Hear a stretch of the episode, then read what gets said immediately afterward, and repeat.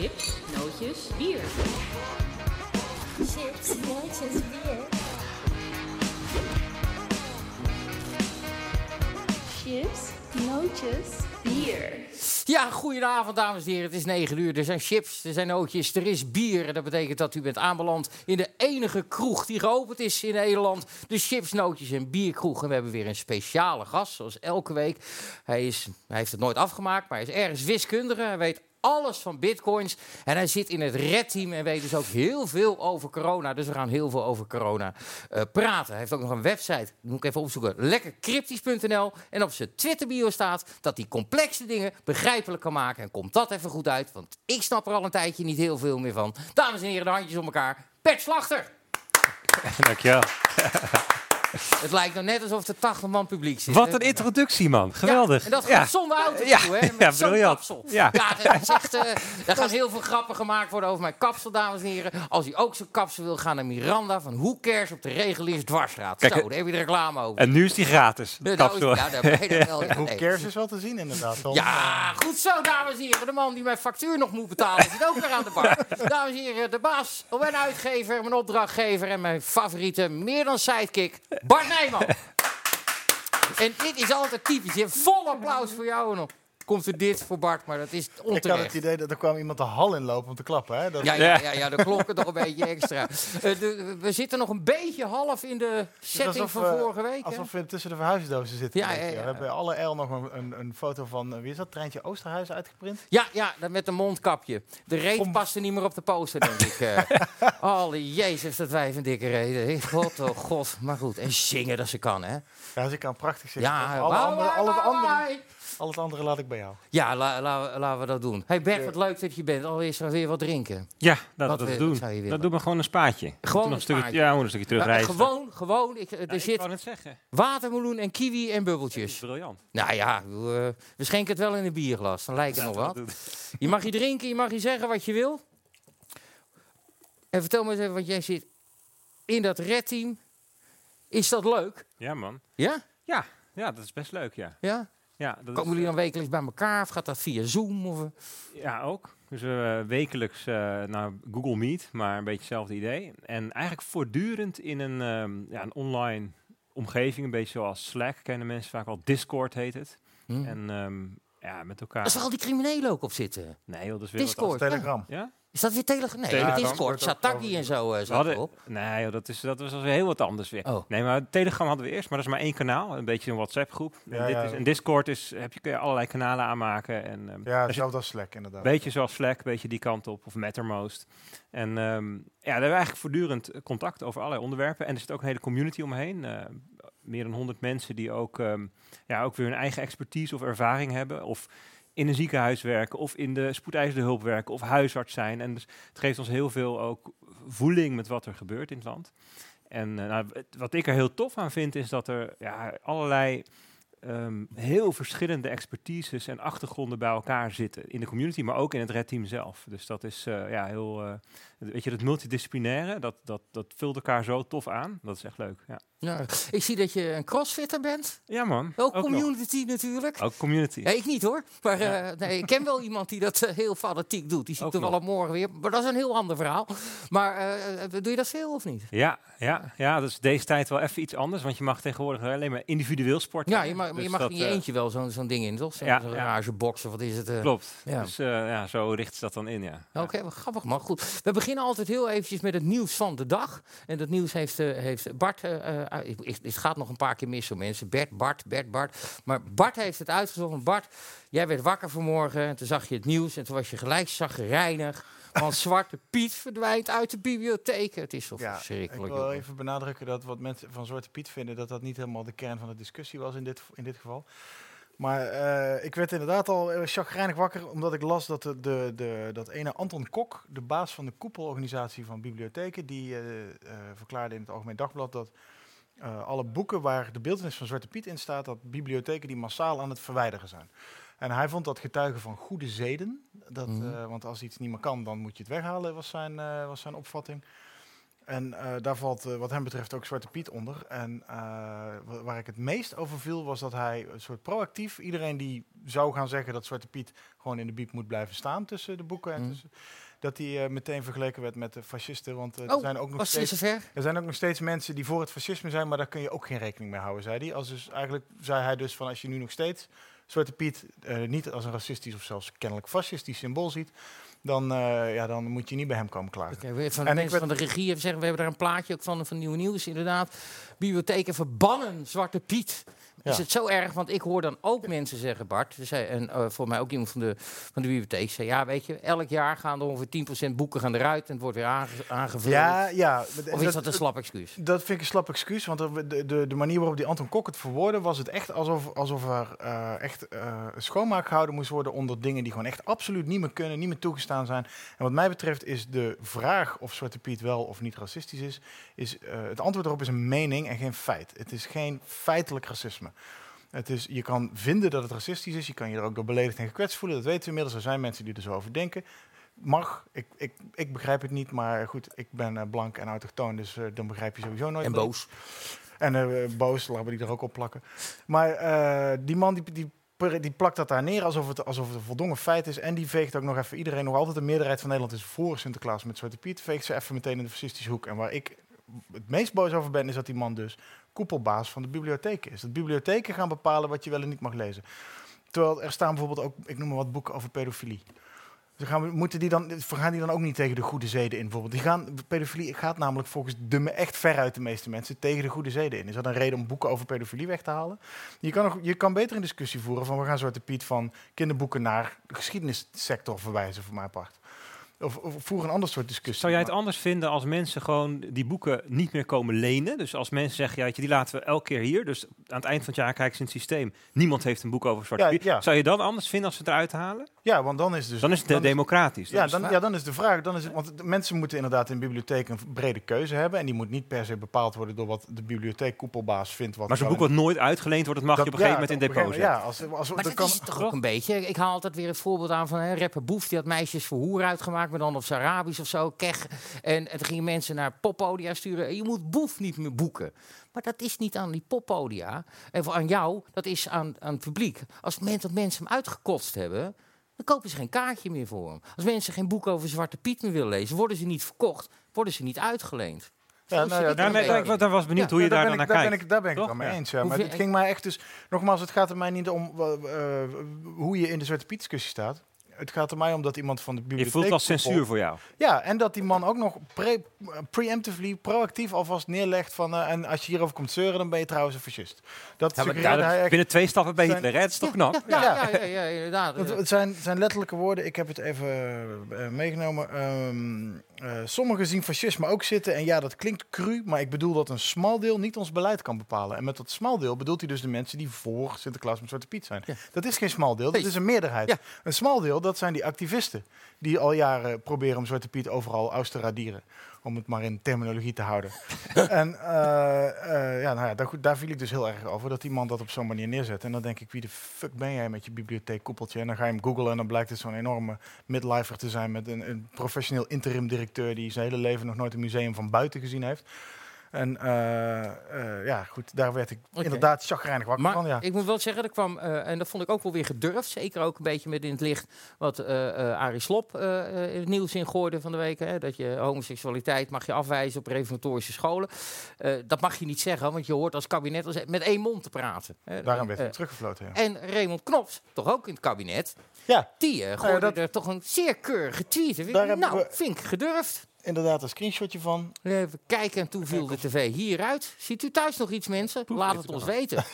Ziet u ook al laat symbooltje. We zijn er nog. Nee, oké. Nee, oh, wacht even. Ik zie Bart. Ik zie, maar ik zie... Ja, daar is hij. Nee, dat is... Nou, doe even dat tweetje erbij, jongens. Ja, de tweet van Screenshot van een tweet. Is, is ook, ook Oh, gecensureerd. is ook weg. zeggen. Het komt eraan, hoor ik uit, eh, uit de dingen. Dus blijven we, We, hebben, we, hebben, moeten, we moeten misschien even toelichten dat we, we hadden normaal gesproken de regie, productietafel in dezelfde ruimte. Maar door die Amerika-show zijn ze een ruimte verderop gaan zitten. En het communiceert iets ingewikkelder nu. Oh, ik, ik, die tweet is dan ook hier blijven hangen of zo. Ja. Nee, nee, Eh, dit is de andere. Nou, we beginnen weer lekker. Nee, dit zijn wij. en het is zwart. Bent u er nog, lieve mensen? Nou, laat Hashtag, we zitten. zijn er nog. Laat maar zitten. goed, Raymond, nou Knop? Raymond Knop zei in ieder geval precies... Dit is dus waarom je dat soort dingen ook uit moet printen. Nummer twee staat ervoor trouwens. Ja! Het is gelukt. Als, en dan ga ik, moet ik hem ook nog voorlezen voor de terugluisteraars. Als Zwarte Piet in strijd met de goede zeden is, welke boeken gaan er dan nog meer verdwijnen? Hashtag meten met twee maten. En dat is, eh, ja, dat is, dat is eigenlijk daarmee onderstreept meneer Knops eigenlijk het punt wat ik ook eh, probeer te maken. Of onderstreep ik dat van hem, want hij staat hoger in de publieke pikorde dan ik, denk ik. Denk het ook. Maar dat hij dus zich ook afvraagt van ja, waarom, wie, wie is die bibliothecaris om te bepalen wat wel en niet gelezen mag worden door mensen die boeken komen lezen. En als de vraag naar die boeken er is, dan zou de bibliotheek ze ook gewoon aan moeten bieden. Ja. En al dan niet voorzien van context, dat is allemaal prima. O- Of in een ander genre dan kinderboeken, eh, ook prima. Als, dat, eh, als daarna gevraagd wordt of als daar discussie over is. Maar die proactieve verwijdering, nu ga ik mezelf voor de derde keer herhalen geloof ik. Maar dat, is, dat vind ik inderdaad een vorm van censuur. Die opge, dat is opgelegd pandoeren vanuit een hele vrome schijnheiligheid van, een- van een blanke middelbare D66-stemmer. Die heel graag ook Black Lives Matter wil scanderen vanuit zijn koepel interim functie in de hoek van een bibliotheek. Ja. En dat, eh, dat vind ik ergerniswekkend. Zeer ergerniswekkend. Punt gemaakt. Punt gemaakt. Keurig, ook wel keurig. Beknopt. Hou dit vast. Hou dit vast. Beknopst. Beknopst. Ja, jij wint alweer. Jij staat 1-0 voor qua slechtste grap. We gaan lekker met Bert praten. Ja. Bart? Want eh, dat, eh, die heeft ook plaatjes bij. Hopen dat het allemaal goed gaat. Ja, tuurlijk, tuurlijk komt het goed. Die jongens zijn helemaal scherp. Het redteam, vertel mij eens even. Dat is op zich niet iets geks. Op het moment dat er een crisis is, dan, dat zie je in meerdere landen, dan, eh, eh, er heeft een, eh, dan is er een managementteam door de overheid. En daartegenover komt dan een beetje een burgerinitiatief staan, een soort burgercomité. Dat noemen ze het Red Team. Heb ik het zo een beetje goed uitgelegd? Nou, dat is, ehm, dat is hoe het nu in Nederland is uitgepakt. Maar waar het eigenlijk vandaan komt, is uit de, ja, inderdaad uit crisissen. Maar ook, ik ken het zelf bijvoorbeeld uit ehm, eh, informatiebeveiliging, dus in de IT. Dus ehm, je wil iets beveiligen en dan ehm, het, he- het Blue Team beveiligt. En dan huurt het bedrijf, die huurt hackers in Hm?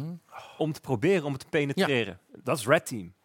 En dit zijn dus, eh, eh, zeg maar, white hat hackers. Dus die, die, Ja, de legal zo. Ja, hat, precies. ja. Jullie zijn de en ik heb, maar, ik heb, ik heb zeg maar, in, in, in de IT aan beide kanten gestaan. Dus ik ken Mhm. dat proces heel goed en die interactie en, en wat je daar, hoe je, hoe je die scherpte, dat, de scherpte die dat geeft enzovoort.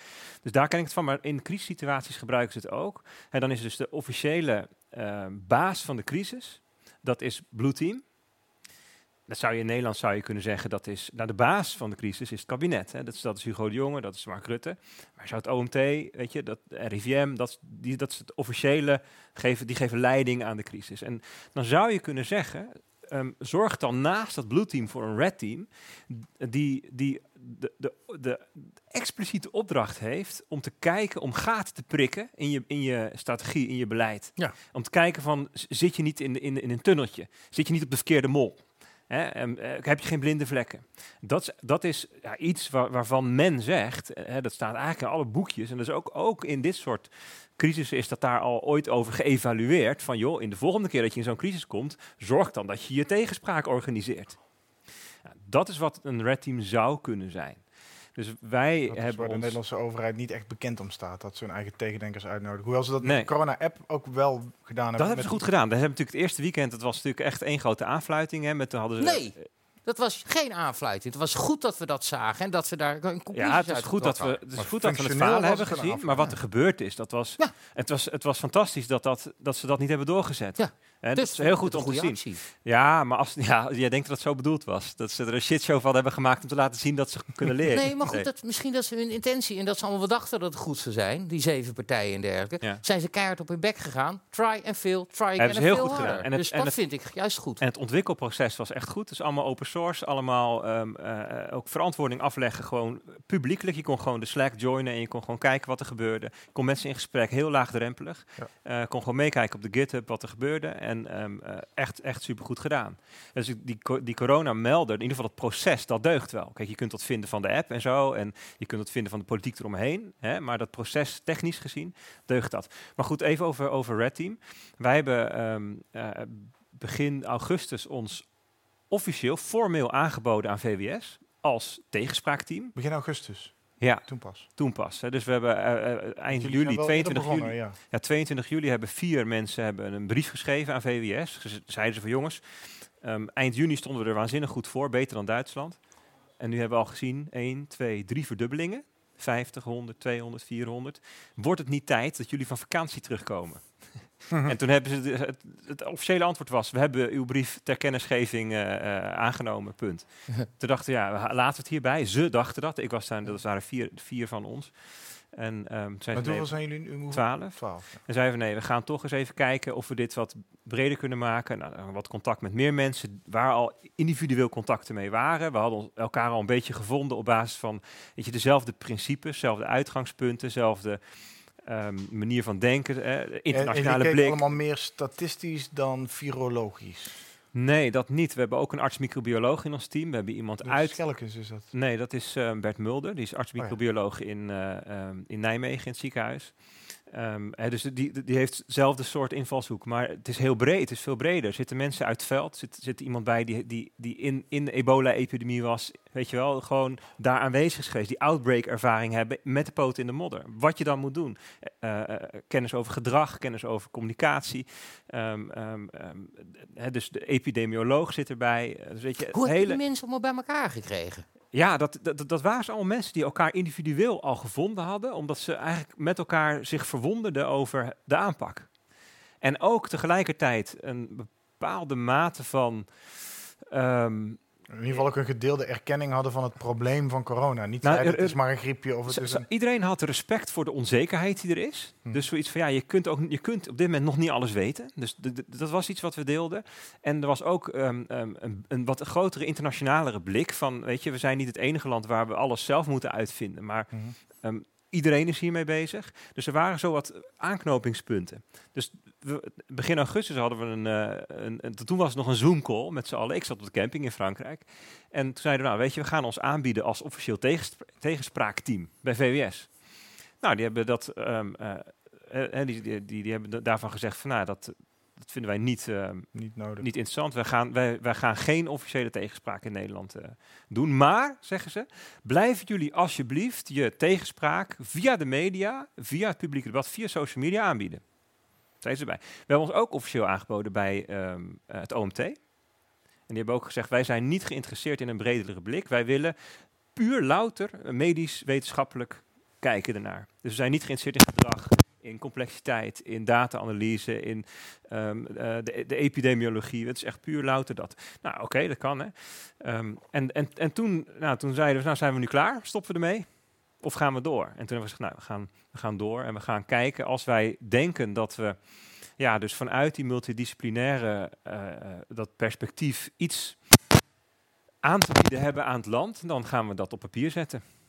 En, en, en nou ja, En dat doen jullie nog steeds? En, eh, en dat doen jullie allemaal vrijwillig? Of hoe Ja. het? ja? ja, dus Het is allemaal vrije tijd. Het is En, allemaal vrije tijd. En, en eh, neem een Amarige, die is, die, die is verbonden aan het Rode Kruis, de WHO, London School of Medicine. Die, die, heeft, die leidt uitbraken in, in de wereld, op allerlei, in allerlei landen. Die, die heeft al eh, anderhalve baan, weet je. Dus het is, ja, dat is, ja, mijn vader heeft me ooit geleerd, als je iemand zoekt die iets, om je te helpen, dan moet je iemand zoeken die het al heel druk heeft. Want Mm. die gaat je waarschijnlijk helpen. En dat, is, dat merk ik nu ook. Hè. De en mensen wacht, die, eh, als je, eh, wat, zeg hem nog eens. als je, als je iemand zoekt die, je, die jou kan helpen, Ja. dan moet je iemand zoeken die het al druk heeft. Want die krijgt dingen voor elkaar. Oké, Als je iemand zoekt die helemaal geen zak te doen heeft, ja, die gaat waarschijnlijk jou ook niet helpen. nee. En dat merk ik hier ook. Het zijn allemaal mensen die hebben het onwijs druk. Die hebben onwijs grote verantwoordelijkheid. Ik bedoel, neem Bert Mulder, we hadden het net even over. Ik bedoel, die is arts-microbioloog in een ziekenhuis. Ja, dat is gewoon een verantwoordelijkheid in deze tijd.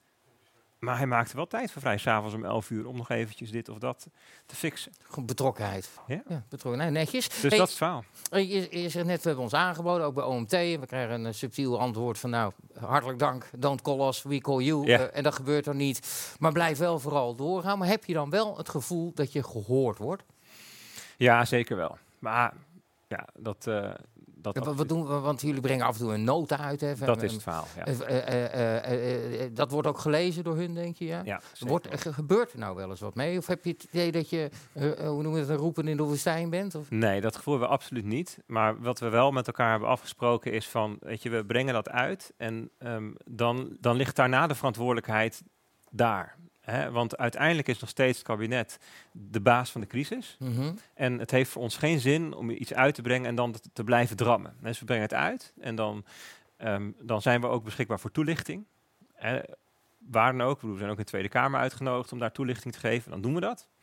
Ehm, en daarna is het klaar. Je bent, wel in de, je bent door Tweede Kamerleden wel uitgenodigd bij een hoorzitting of iets Ja, dergelijks. Ja, ja elke, elke fractie was er ook aanwezig, eh, zo'n beetje. Dus dat was heel, ja, dat was mooi. Oké. Hey, en, maar, eh, jullie brengen natuurlijk een nota uit, maar doen jullie ook onderzoeken zelf? Of is het verzamelen van informatie die al bekend is? Of Ja, op, ja dat allebei. allebei? Allebei. Wat voor onderzoeken doe je dan? Nou, vooral de data-analyse, daar doen we heel veel in. Dus er een, in, in onze community een heel grote datagroep. Van, nou ja, daar zit Marino bijvoorbeeld in, hè, die, eh, waar jullie regelmatig ook wat, eh, wat over schrijven. De, die jongen van het blauwe lijntje? De jongen van blauwe lijn. Ja, ja Marino van Zels, die, zit- dat is Ja. een van de twaalf leden van het Red Team, die eh, publiceert of die, die ja, heeft ook iedere dag de cijfers, doet er ook grafiekjes bij over Ja. opnames en over eh, de, de zeven dagen prognose, hoe, hoe heette dat? Ja, de zevendaagse eh voortschrijdende gemiddelde. Ja, ja, het net over zogenaamde blauwe lijntje dus. Ja. En daar baseert Ronaldo zich bij ons altijd op. Want die, je kan een piek hebben in een dag dat er een, meer positieve tests zijn een dag ervoor. Of juist een, een dip. Maar je moet naar, de, naar die prognose blijven kijken hoe Ja. die eh, zich over wat langere dagen uitsmeert. En die Marino van Zels die publiceert iedere dag dat plaatje. En dat pakken, pakt Ronaldo altijd als hij die coronastatistieken op gers slingert. Omdat dat iets meer zegt dan alleen maar de RVM plus zoveel besmettingen.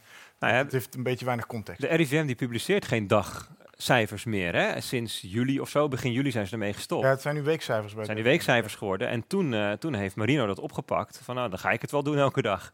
En dat is dus, hij is een beetje gewoon de nieuwe RIVM geworden eigenlijk wat dat betreft. Ja, maar wel met iets meer context dan zij het deden. Want Zeker. zij gaven Ja. inderdaad alleen maar het aantal nieuwe Ja. besmettingen, aantal ziekenhuisopnamen, aantal IC-opnamen, aantal sterfgevallen als die er waren. En, eh, maar dat zonder context is, ziet dat er gewoon, ja, dan zijn het gewoon maar losse bingo-nummers eigenlijk. Klopt. Nou, en er zijn heel veel, er zijn best wel wat meer mensen die ook eh, dagelijks of, of heel regelmatig eh, de analyse van de data publiceren. Dus van, van het rioolwater of ge- alle gemeentes, hoe dat op gemeenteniveau is. En allerlei soorten kaartjes en Maar dat is, dat, allerlei, allerlei presentaties ervan. En, dat- en eigenlijk al die mensen zitten ook in die community en kunnen ook met elkaar daar een beetje afstemmen van, joh, hoe, hoe zie jij deze data en eh, eh, zie je daar hetzelfde als ik? ja, maar dat is wel interessant. Je zegt rioolwater. Op een gegeven moment er- herinner ik me inderdaad dat mensen zeiden van ja, je kan aan het rioolwater zien hoeveel corona ergens is. En dan denk ik wel van, zijn ook als je dat OMT eh, ziet, die zich dus inderdaad vooral heel medisch toespitsen, eh, medisch, biologisch, dat ze dan in je eigen vakgebied ga je ook in een tunneltje staren, zeg maar. Dus iemand die zegt in het rioolwater kan ik het vinden, die zegt dit is de meetmethode. En andersom zie ook een beetje, Maurice de Hond zegt bestrijding is gewoon een raam beter openzetten, even platgeslagen. Mm. Want ja, hij zegt het wel iets inhoudelijker dan dat. Maar, en eh, is het dan ook niet, loop je niet het risico dat je zelf ook in een tunnel gaat zitten als je alleen maar in je eigen vakgebied, als, als je je blind gaat staren op het blauwe lijntje, zo gezegd? Tuurlijk, zeker. Ja, ja, absoluut. En dat is ook de reden dat wij niet met twaalf data-analysten in een red team zitten. Want dan, weet je, dan ben je alleen maar bezig met cijfertjes. Maar het gaat ook om. eh, dus, dus begin juli waar, waar ben je echt aan het kijken naar cijfertjes. Hè? Van je, ziet het, je ziet het verdubbelen van 50, 100. Wat betekent dit nou? En nu zitten we veel meer in een eh, medische crisis ook. Hè? Dus we hebben ook mensen die zitten in, in de zorg. Die zien nu ter plekke gebeuren dat, ze de, dat de ambulance de patiënten niet kwijt kan. En dat is een heel, een heel ander soort, andere kant van dezelfde crisis. Er zitten ook mensen vanuit de economie in. Wat betekent dit nou voor de ondernemers? Wat betekent het nou voor, voor de gewone mens in de komende jaren? Wat gaat de economie doen? Wat gaat het doen met jonge mensen die een studie afronden? Kunnen die nog een baan vinden? Je, dat soort vragen. Dat zijn allemaal aspecten van men- de crisis. mentale gezondheidszorg is ook een steeds groter eh, Tuurlijk, wat doet het? onderdeel geworden. Het is zo'n extreem idioot veelzijdige crisis waar we in terecht dat- komen. Maar dus dat is des te meer reden om, om voor zo'n voor zo'n OMT of voor een VWS om wel wat meer tegendenkers uit te nodigen. Want die wekken nog steeds de indruk. eh, in maart begon de eerste lockdown. Ze we- wekken anno november nog altijd de indruk dat ze eigenlijk alleen maar sturen op het aantal ziekenhuisopnamen, op, op de capaciteit van de zorg. Ja, dat klopt. Dat is het, maar is dat goed of slecht? Want eh, eh, kijk, de overheid moet natuurlijk een beetje, die, waar mogelijk halen ze er wat geld, strooien ze met wat geld. Strooien is niet het goede woord, maar proberen ze met wat hulpfondsen bepaalde eh, eh, Branches, omhoog branches een beetje eh, te redden. Of Ja. uitstel van executie te geven, zal blijken, denk ik, bij Ja. sommigen. Maar eh, eh, het is op zich niet erg, denk ik, om te sturen op capaciteit van zorg, als dat ervoor zorgt dat de rest van de samenleving een beetje door kan. Of is dat toch een te smalle blik? Ja, dat is lastig. Nu, nu, dit, nu kom je ook op een stuk interpretatie van alle kennis die er is. En als je puur objectief, puur feitelijk kijkt, dan zijn er allerlei feiten die je kunt op een rijtje kunt zetten. En dan is volgens de vraag, hoe interpreteer je die? Dus die, dat, zijn, dat zijn allerlei soorten eh, feiten van hoe, hoeveel mensen worden er nou echt ziek? Hoeveel mensen gaan er nou daadwerkelijk dood? Wat is nou de, de kans op, op een oplossing, op een behandeling of een vaccin? Wat is nou de echte economische schade? Hoe doen andere landen het? Want je leeft ook niet in een vacuüm. Als de hele wereld onwijs serieus gaat indammen, Nederland zegt laat de boel maar rondgaan, dat is onhandig. En andersom ook. Dus je moet ook een Mhm. stukje afstemmen op landen om je heen. Dat zijn allemaal ingrediënten van de vraag: wat is met de kennis van vandaag? Wat is het, 10 november of zo? Eh, Eh, 12 november. Wat is met de kennis van vandaag, 12 november, wat is nu het verstandigste om, om te doen? En dat, dat is nu anders dan een half jaar geleden. En dat is over een half jaar anders dan nu. En dus er is niet een heel absoluut antwoord van ehm, het is goed of fout om op deze manier te sturen. Maar er, zijn, dus er komen wel een hoop vraagtekens. Als je bijvoorbeeld, eh, als er afgeraden wordt om naar bepaalde gele of oranje landen te reizen, terwijl een, een, een Curaçao bijvoorbeeld wordt opengehouden. Vandaag was de headline, eh, Curaçao blijkt een enorme, enorme haard te zijn. Enorme virushaard te zijn. En eh, Lul lekker verder, Bart. Er Oh staat eh, sorry. buitenbeeld iemand wat aan de aan, aan ja, de sorry, dat leidt mij dan weer zodanig af dat ik... eh, ja, dat was een hoop... Ja. Ja, en hij is weer weg hoor. Niemand heeft wat Sorry. gezien thuis. Ja. Nee, dit is, alleen, Maak dit je is puur punt. mijn schuld dat ik het uh, nu ben ik wel te horen, denk ik. Dat maar-. Ja. Maar eh, dat, dat, er lijkt een zekere willekeur te zitten in dat je dus naar bepaalde landen wordt afgeraden, maar naar Curaçao mag wel. En voilà, een paar weken later blijkt Ja. Curaçao ineens een enorme brandhaard te zijn. Hoe, hoe, hoe- op basis van wat voor informatie worden dat soort beslissingen dan genomen? Is daar iets over te zeggen überhaupt? Weet ik niet. Nee, Nou, dat, dat is zijn, een goed antwoord. dat zijn niet mijn beslissingen. Nee, kijk, in, in- meer even in het algemeen. eh, maatregelen zijn soms moeilijk te verklaren. Ja. En dat is, maar dat is ook wel weer logisch. En want ehm, kijk, de enige manier om het virus binnen drie weken helemaal weg te krijgen in een land, is iedereen in zijn eentje in een isolatiecel zetten. Of allemaal op de hei op een blok 100 meter uit elkaar en niet bewegen. Oké, is ook iedereen dood na tien dagen, maar als je tien Ben dagen vanaf als altijd, iedereen hoor. zich tien dagen afzondert, is het klaar. Hè? Of weet je, Mm. die hele periode. Dat kan niet. Dus zeggen we, ehm, nou oké, eh, we willen wel graag de vitale infrastructuur. We willen dat mensen nog, nog, nog brood kunnen kopen. We willen dat, er- dat er een ziekenhuis, we willen dat er politie is. Dus er moeten bussen rijden. Dus dat gaan we dan wel doen. Ehm, eh, en ehm, nou ja, dus, dus als, dat, als we dat wel doen, dan duurt het ook langer. Dus dan eh, moet dat misschien ook. Maar, hè, en dan is het misschien ook wel aardig die restaurants dan toch wel open kunnen. En dan moet je daar met de auto heen. En dan moet je in de auto maar een mondkapje op, maar als je er bent niet meer. Weet je, dus je gaat ehm één voor één ga je kijken van hoe kunnen we het binnen de grenzen van, van hè, nog, nog zo leefbaar mogelijk maken. Ja, onvermijdelijk zit, worden daar, zitten daar regels bij ja, die misschien ehm, onlogisch zijn ten opzichte van elkaar. Maar dat ga je niet voorkomen. Dat is, dat is inherent ja. aan het maken van regels. Welke regel? Dus er zal ergens iets onlogisch zitten. Dat is niet gek, dat is in elk land. En dat moeten we maar accepteren. Hè? En, en dus zou het kunnen zijn van ja, waarom kies je eh Curaçao wel en een ander land niet? En waarom maak je die oranje en die geel? Ja, dat is. eh, dat, dat- ik vind het niet gek dat, dat dat op een gegeven moment wat vraagtekens oproept. Maar goed. Wel zie ik dat ehm, in Europa er steeds meer dat mensen dat landen steeds meer op elkaar af gaan stemmen. De ECDC, de, lang, ja. die, die, de, de, Euro- de European Center of Disease Control, die heeft nu een soort van ehm eh, kleurencodering gemaakt die voor heel Europa zou moeten gaan gelden. Dus dat, dat zal het in ieder geval binnen Europa. Ja, want over, over eh, vraagtekens zetten. In het begin, eh, toen we eigenlijk allemaal nog niet wisten wat er op ons afkwam, hebben we de beelden uit Wuhan gezien, hadden de beelden uit Bergamo hadden gezien, die allemaal heel dramatisch en, en, en nou, ja, zorgwekkend, beangstigend zelfs waren. Ja. Dan denk je dat je overspoeld wordt door iets waar we allemaal dood aan gaan. Dus gaan we allemaal hard ingrijpen. Zie je ineens dat er heel snel komt het in Nederland. Er komt een lockdown aan. Eigenlijk iedereen vond het heel vervelend, maar iedereen begreep het ook wel. En nadat, na die eerste versoepeling in juni en we een, eigenlijk een best wel gunstige zomer hadden, waarin het heel laag was en het bijna nou, op sommige momenten wel wegleek. We konden weer een beetje doen waar we zin in hadden. Dat het dan toch weer oplaait. En toen begon er een soort nou, irrationaliteit in het beleid te sluipen. Althans, dat is mijn idee. Dat je gewoon niet meer zo goed weet waar- waarom ze nou welke keuze wel of niet maken. Waarom mag KLM eindeloos blijven vliegen terwijl ze tegelijkertijd staat zijn op vragen. Maar moeten de kroegen dicht waar Rutte eh, bij de laatste persco, bij de aankondiging van de laatste lockdown op 14 oktober van zei. Daar zit niet het punt, want zij houden zich goed aan de regels, maar toch gaan we die sluiten. Waarom niet, waarom niet de scholen sluiten als je weet, ja, je, je kan deduceren dat als je de scholen sluit, zit iedereen weer thuis, lig je echt je economie stil. Maar als je ze open houdt, dan die kinderen worden misschien niet ziek, maar het zijn wel ronddansende brandhaartjes die in de zandbak spelen met elkaar en Mhm. vervolgens dat thuis weer overdragen aan hun ouders en alsnog het probleem vergroten. En daar zit, dat, ik, ik weet niet precies hoe ik dit nou concrete vraag moet formuleren, maar dat zit dus wel een heel groot vraagteken in hoe dat beleid tot stand komt. Hoe kijken jullie daar dan naar?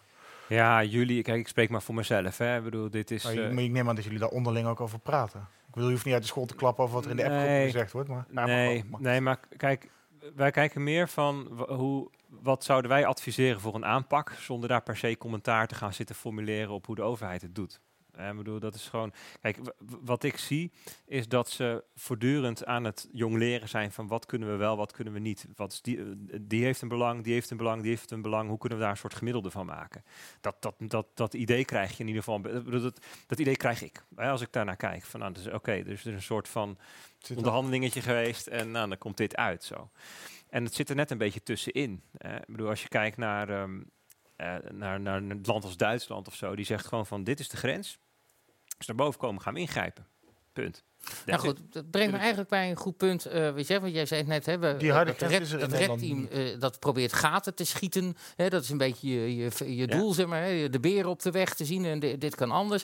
En eh, onder andere wat je in een van de nota's eh, die jullie hebben uitgebracht schrijft, is dat er eh, een gebrek bij de, bij de regering, dat is een van die gaten die ik daar dan eh, lees, het, is- het ontbreekt aan perspectief op de middellange en lange termijn.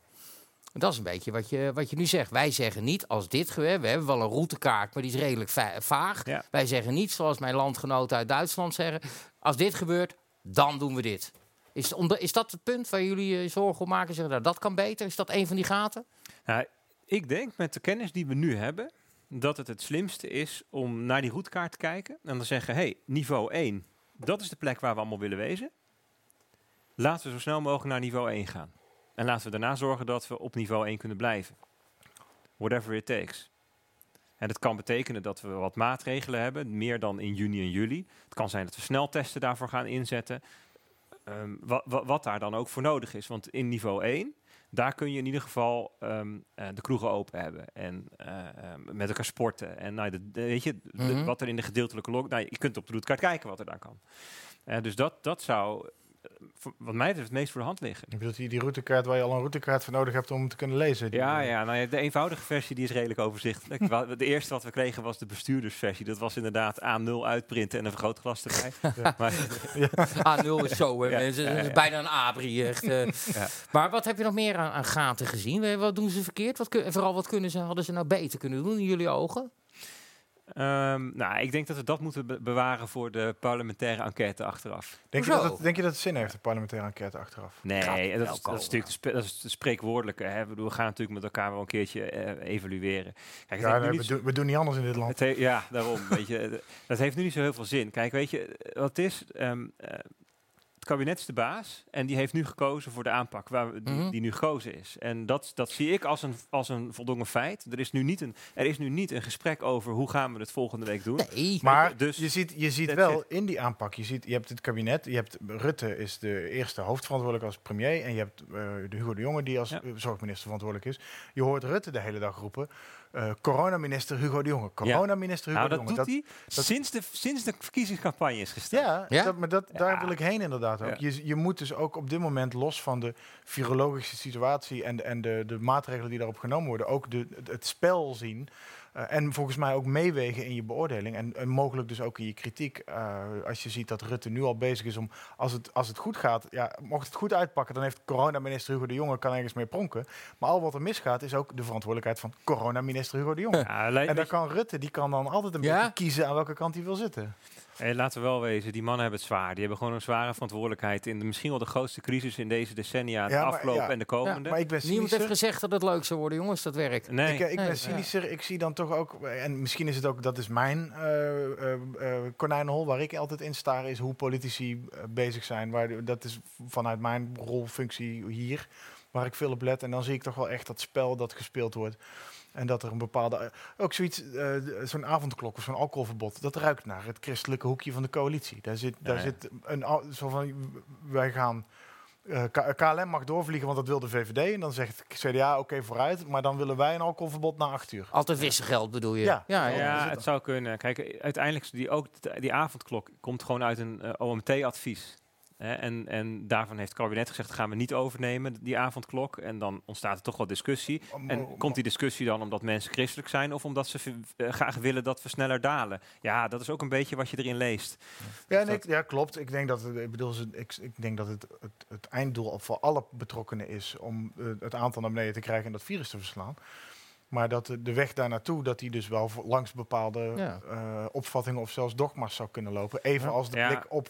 Zou kunnen. Maar goed, ik wil toch nog heel even terug, want ehm, jij, ik, ik vroeg je net, hè, wa- wat doen ze nou verkeerd, wat kan beter? Eh, in het begin vertelde ze hè, dat redteam wordt opgericht om die gaten erin te schieten, te kijken waar kunnen dingen anders of beter. En dan zeg jij, dan laten we dat bewaren voor de parlementaire enquête. Ja, Dus- als die, dus als die rol formeel ingevuld zou zijn, wat je dan krijgt, is dat er een, dat, dat bijvoorbeeld een, er een, een, een, een idee of een advies of Ja? een, een, een, een als je een officieel ja, zou ja, zijn. ja, en dan ga je daar achter de schermen met elkaar over in debat. En dan ga je kijken van, hé, hey, hoe kunnen we dit beter maken? Maar hoe zie je je Dat- rol nu dan? En dat is niet. Hè. Dus onze rol is nu dat, dat, dat we op een bepaald moment denken: hé, hey, we zien nu iets aankomen waar we vanuit heel veel verschillende disciplines iets over op papier willen zetten. Dat zetten we op papier, dat bieden we aan. En daar doen ze iets mee of niet. En that's it. Maar eh, nou even terug naar, je zei net dat, dat je kreeg een brief terug van het OMT, die zeiden, of was het VWS, die zei, eh, laat je maar gelden in de media. Ja, blijf vooral doen wat je doet. En Maar dat is dat. Ineens bedenk ik me nu dat dat klinkt ook een beetje als. Nou, als zij daar als onofficieel eh, vertegenwoordiger van de discussie daar gaan zitten, dan hoeven we de OMT'ers of onszelf die kant niet op te sturen. Want nu zit, nu zit jij hier bij ons te praten over iets wat zij aan het doen zijn. Waarbij ja, je in sommige het ook opzichten. wat anders hebben. Ah ja, nou, eh, wat was er nog meer vandaag? Ja. Nee, nee, Terug nee, naar die bibliotheek. Ja, maar laten we Ja, nee, maar snap je wat ik bedoel? Ja. Kijk, jij zegt, en dat vind ik niet onterecht dat je dat doet. Ik kan jou moeilijk aanvallen op het feit dat jij geen uitspraken doet over politieke verhoudingen waarop maatregelen gebaseerd worden. Maar het is voor hun natuurlijk wel lekker dat eh, ik had wat dat betreft beter tegenover Hugo de Jonge kunnen zitten of een van zijn ministers. Oh, zo mooi zijn, dat zie ik om. Om te zeggen waarom eh, stond die hutkoffer voor je vakantie klaar in de zomer en waarom dacht je dat het een goed idee was om een lijsttrekkerscampagne te gaan voeren terwijl je eigenlijk primair Ja. bezig bent met zo'n. Want je kan wel zeggen ze hebben het zwaar, ze hebben het druk, maar meneer vond het ook belangrijk om tussendoor wel even lijsttrekker te worden. Ik bedoel nobel dat ze daar een democratische verkiezing voor houden, maar was dat het goede moment? En jij gaat Ja. dan zeggen ja goed, dat zijn partijpolitieke afwegingen waar ik niks over te zeggen heb. Wat ook zo is. Ja. En daar kan ik jou niet op eh, kritiseren. Dat zou ik ook kunnen doen, maar het slaat nergens op. Ja.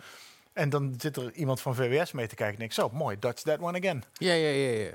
Maar, laten we eens even kijken daar naar die... je Naar die nee, Nee, het ja. opgeven. nee, maar laten we eens eventjes kijken naar, naar de... ergens in de de VWS'er.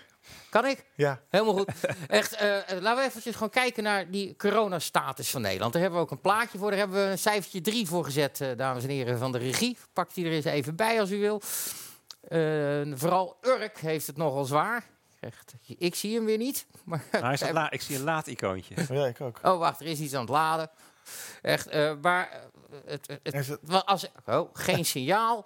Oh, jongens, dit, wordt, het, het is zo professioneel hier, jongen. Echt niet normaal. Het is, Vorige week ging het zo soepel. ja, maar, nee, eh, maar goed, even in het algemeen. eh, in Urk gaat het, op Urk moet je trouwens zeggen, gaat het heel slecht. Dat, eh, wat moeten we daarmee aan? Maar het, gaat het afgelopen dagen krijg ik eh, qua cijfertjes, dan gaat het omhoog, dan gaat het omlaag, dan gaat het omhoog, dan gaat het omlaag. W- hoe staan we ervoor? Vertel ons.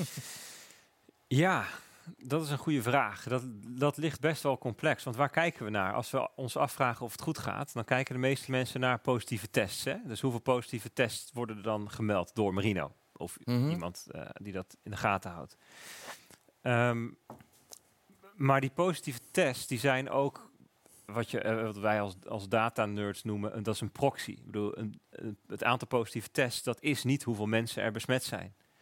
Ehm, want niet iedereen die besmet is, die wordt getest. En een positieve test betekent niet per se ehm, eh, eh, dat je... Ik bedoel, je kan ook besmet zijn en nog negatief testen bijvoorbeeld. Dus, dus positieve tests die geven een indruk van hoeveel mensen er besmet zijn. Maar als je testbeleid verandert, of de testbereidheid van mensen verandert, dus mensen hebben minder zin om zich te laten testen, of er ontstaan bijvoorbeeld wachtrijen bij de test. Hè, dat was eerst wat, hebben we, ja. Eerst zat er vier dagen tussen. Hè. Dan moest Ja. je twee dagen wachten, ging testen, twee dagen op de uitslag, vier dagen. Nu is dat nog binnen een dag de meeste plekken. Dus dat verandert. Dus als die dingen veranderen, dan verandert ook de betekenis van het getalletje. Dus als, als eerst 10% van de mensen zich laat testen en nu 20, dan zeg je, oh, we hebben twee, het getalletje is twee keer zo hoog geworden. Ja, gewoon twee keer zoveel mensen laten zich testen. En we hebben de laatste weken gezien, dat is veel nieuws geweest, dat, er, dat de commerciële testraten ineens een grote rol Ja, gaan spelen. bedrijven willen die en snap ja, ik. Ja, dus één vandaag die had een onderzoekje gedaan. Ze kwamen al op 170.000 per week aan commerciële tests. Nou, waarschijnlijk nog aan de lage kant. Vermoedelijk zijn het er meer. Ten opzichte van 300.000 van de GGD's. Dus dat is al.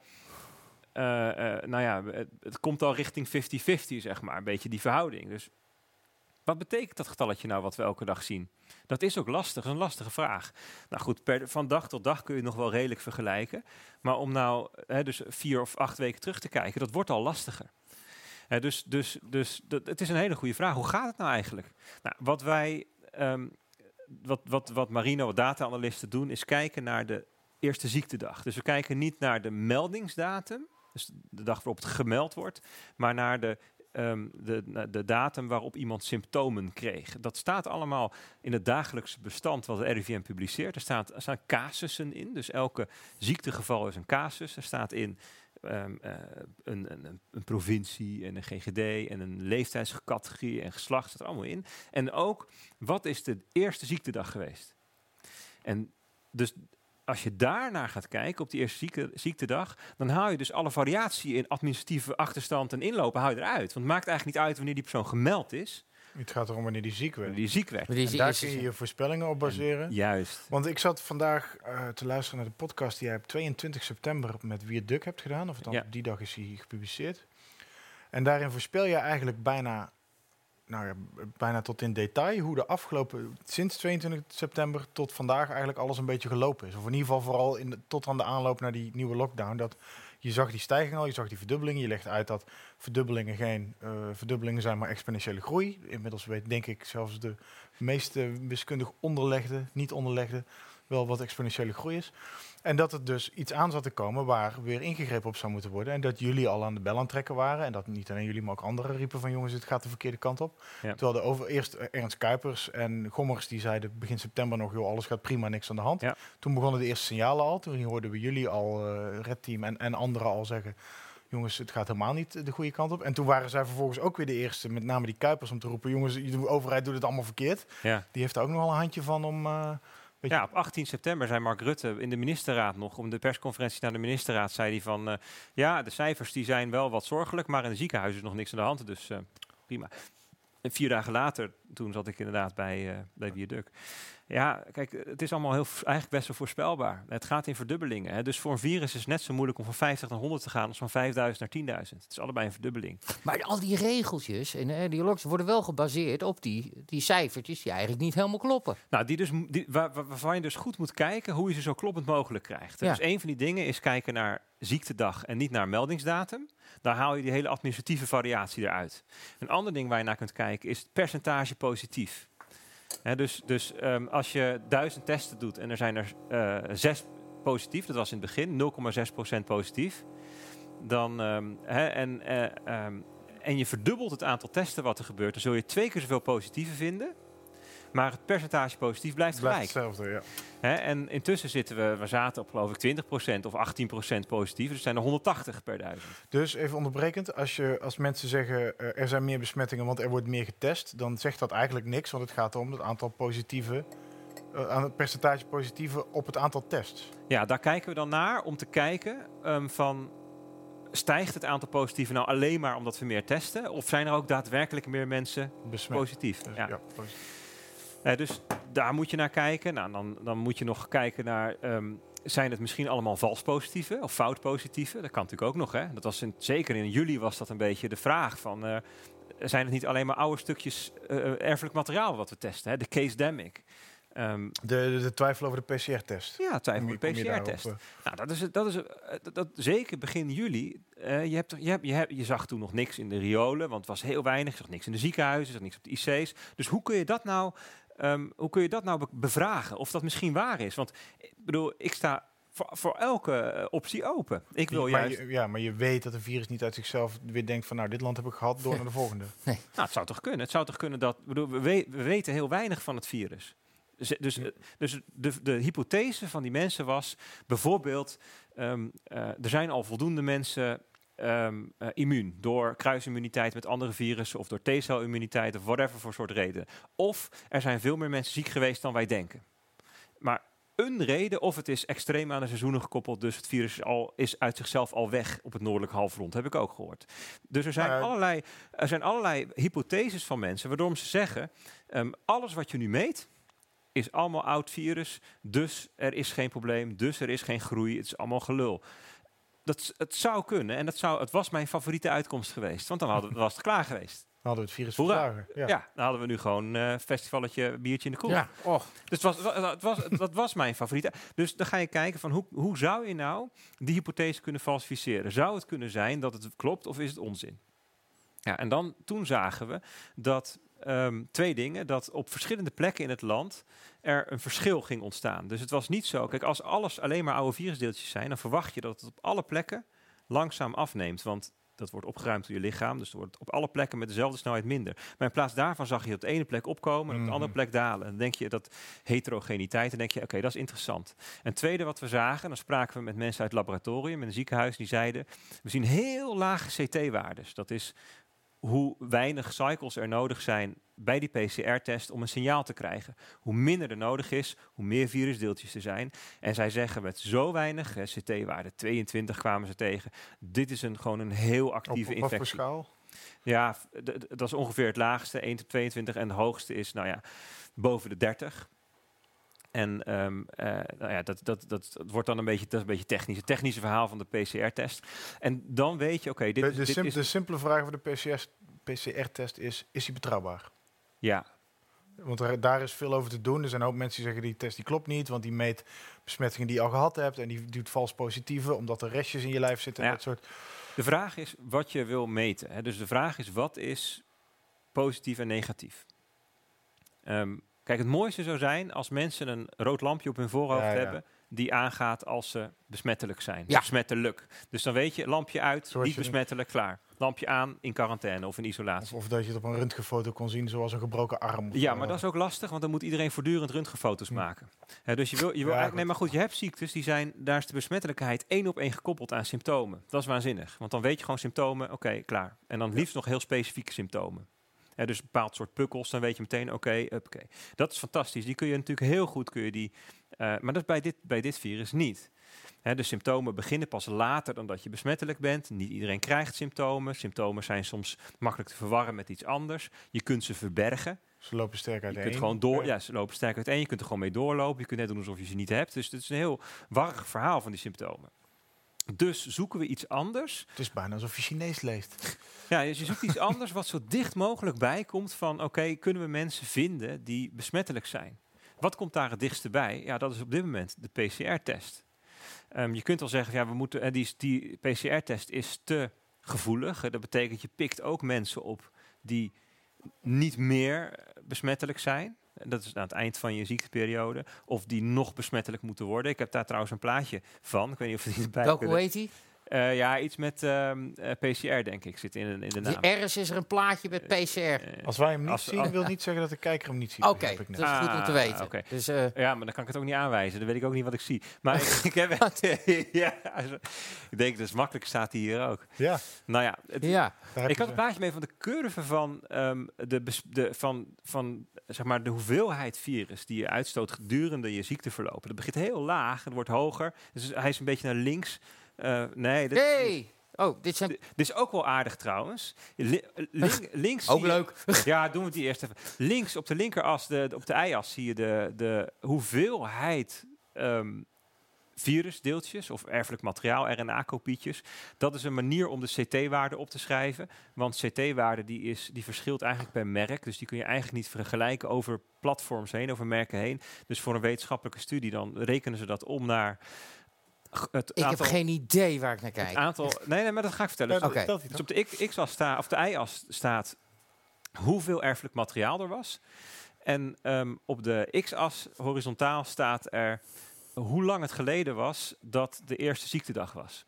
Dit is een studie. Wat jij, waar je het net over had. Ja, Ja, dit, oké. dit, dit, is een studie uit eh, het Erasmus. Hier heeft Mirjam Koopmans aan meegewerkt. En die, ze, heeft, ze hebben dus van al deze ehm, samples hebben ze geprobeerd om een viruskweek te maken. Dus om te kijken, als we dit materiaal nou inbrengen in een cel, gaat het zich dan vermenigvuldigen. En als dat zo is, als een virus zich nog kan vermenigvuldigen, dan kan het dus ook iemand besmetten. Hmm. Als het dat niet kan, dan is het dus waarschijnlijk ook niet meer besmettelijk. En dan zie je, je zag dus dat die, die, de, de zwarte vakjes met name links bovenin zitten. En dat, dat, dat is eigenlijk wat we al vermoeden, namelijk als er veel viraal materiaal is en als het dicht bij het begin van je symptomen zit, daar zit de besmettelijkheid. Juist. Dus dat soort, dit, dit, dit soort onderzoeken worden dus voortdurend gedaan. Dit is al helemaal uit het begin van de, van de epidemie. Ehm, en daardoor weten we van, oké, als die als er dus heel veel erfelijk materiaal is en het is dicht bij die eerste ziektedag, ja, dan daar zit de besmettelijkheid. Dat is een bepaalde curve. En als de PCR-test negatief is, dus als die zegt nee, je bent niet meer besmettelijk, dat kan of helemaal aan het eind. ehm, nee, ik moet anders zeggen, als die positief is ehm, en, en er is heel weinig materiaal, dan kan het of zijn dat je aan het eind van je curve zit en niet meer besmettelijk bent, maar het materiaal wordt nog wel aangetroffen, want het was er.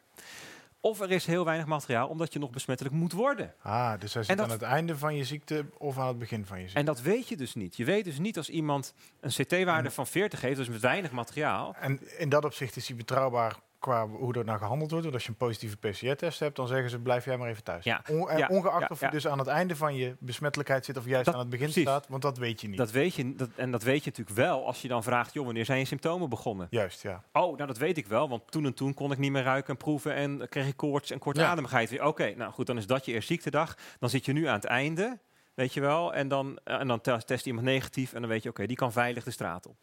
Maar als je, maar zeker met, met waar het asymptomatisch is, of waar mensen, nou ja, dus dat is het hele tricky. Hè, van, ehm, mensen zeggen wel eens, ja, die PCR-test is te gevoelig. Ehm, en je kunt best de PCR-test minder gevoelig maken. En eh, die antigentesten die we nu hebben, hè, dus die, ehm, die sneltesten, die zijn ook minder gevoelig. Dus die zijn eerder negatief dan de PCR-test. De PCR-test is positief en de antigentest nog negatief. En als, als de antigentest ook positief is, dan weet je, hier is veel viraal materiaal. Deze persoon, die moet echt wel in isolatie, want die, eh, die, die is waarschijnlijk wel besmettelijk. Dus er zijn er mensen die zeggen, ja, kappen met die PCR-test, alleen nog maar antigentesten. Maar wat je dan dus ook mist, zijn die mensen die nog besmettelijk moeten worden. En die laat je ook rondlopen. Dus het is een hele moeilijke afweging. En dat is dus het verhaal van die testen. Dat, dat, dat, het, hoe ontwerp je nou je test?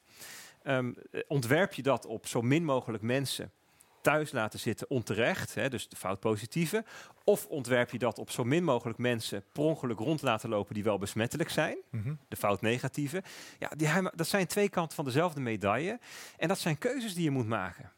En Duitsland kiest er bijvoorbeeld voor om te zeggen: ja, wij, eh, ehm, eh, wij accepteren fout positieve. Laat die mensen maar thuis zitten. Maar liever dan fout negatieve.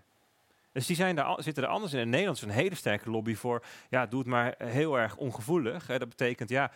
ehm, eh, want we, willen niet, we kunnen niet accepteren dat er iemand ehm, in isolatie gaat die eigenlijk niet meer besmettelijk is. Dat, is dan de PCR-gate. Maar ja, dat is dus een afweging van, oké, als je dat wil, dan betekent het automatisch ook dat je mensen rond laat lopen die wel besmettelijk zijn. Het zijn twee kanten van de medaille. En daar, ja, dat is, dat is niet aan mij of aan de gemiddelde kijker. Dat is aan ja, weet je, Besluitnemers. het OMT, RIVM, kabinet om te beslissen wat voor afweging maken we daarin. Is er iets te zeggen over eh, eh, wanneer je eh, op, op wat voor plekken, in wat voor situaties je.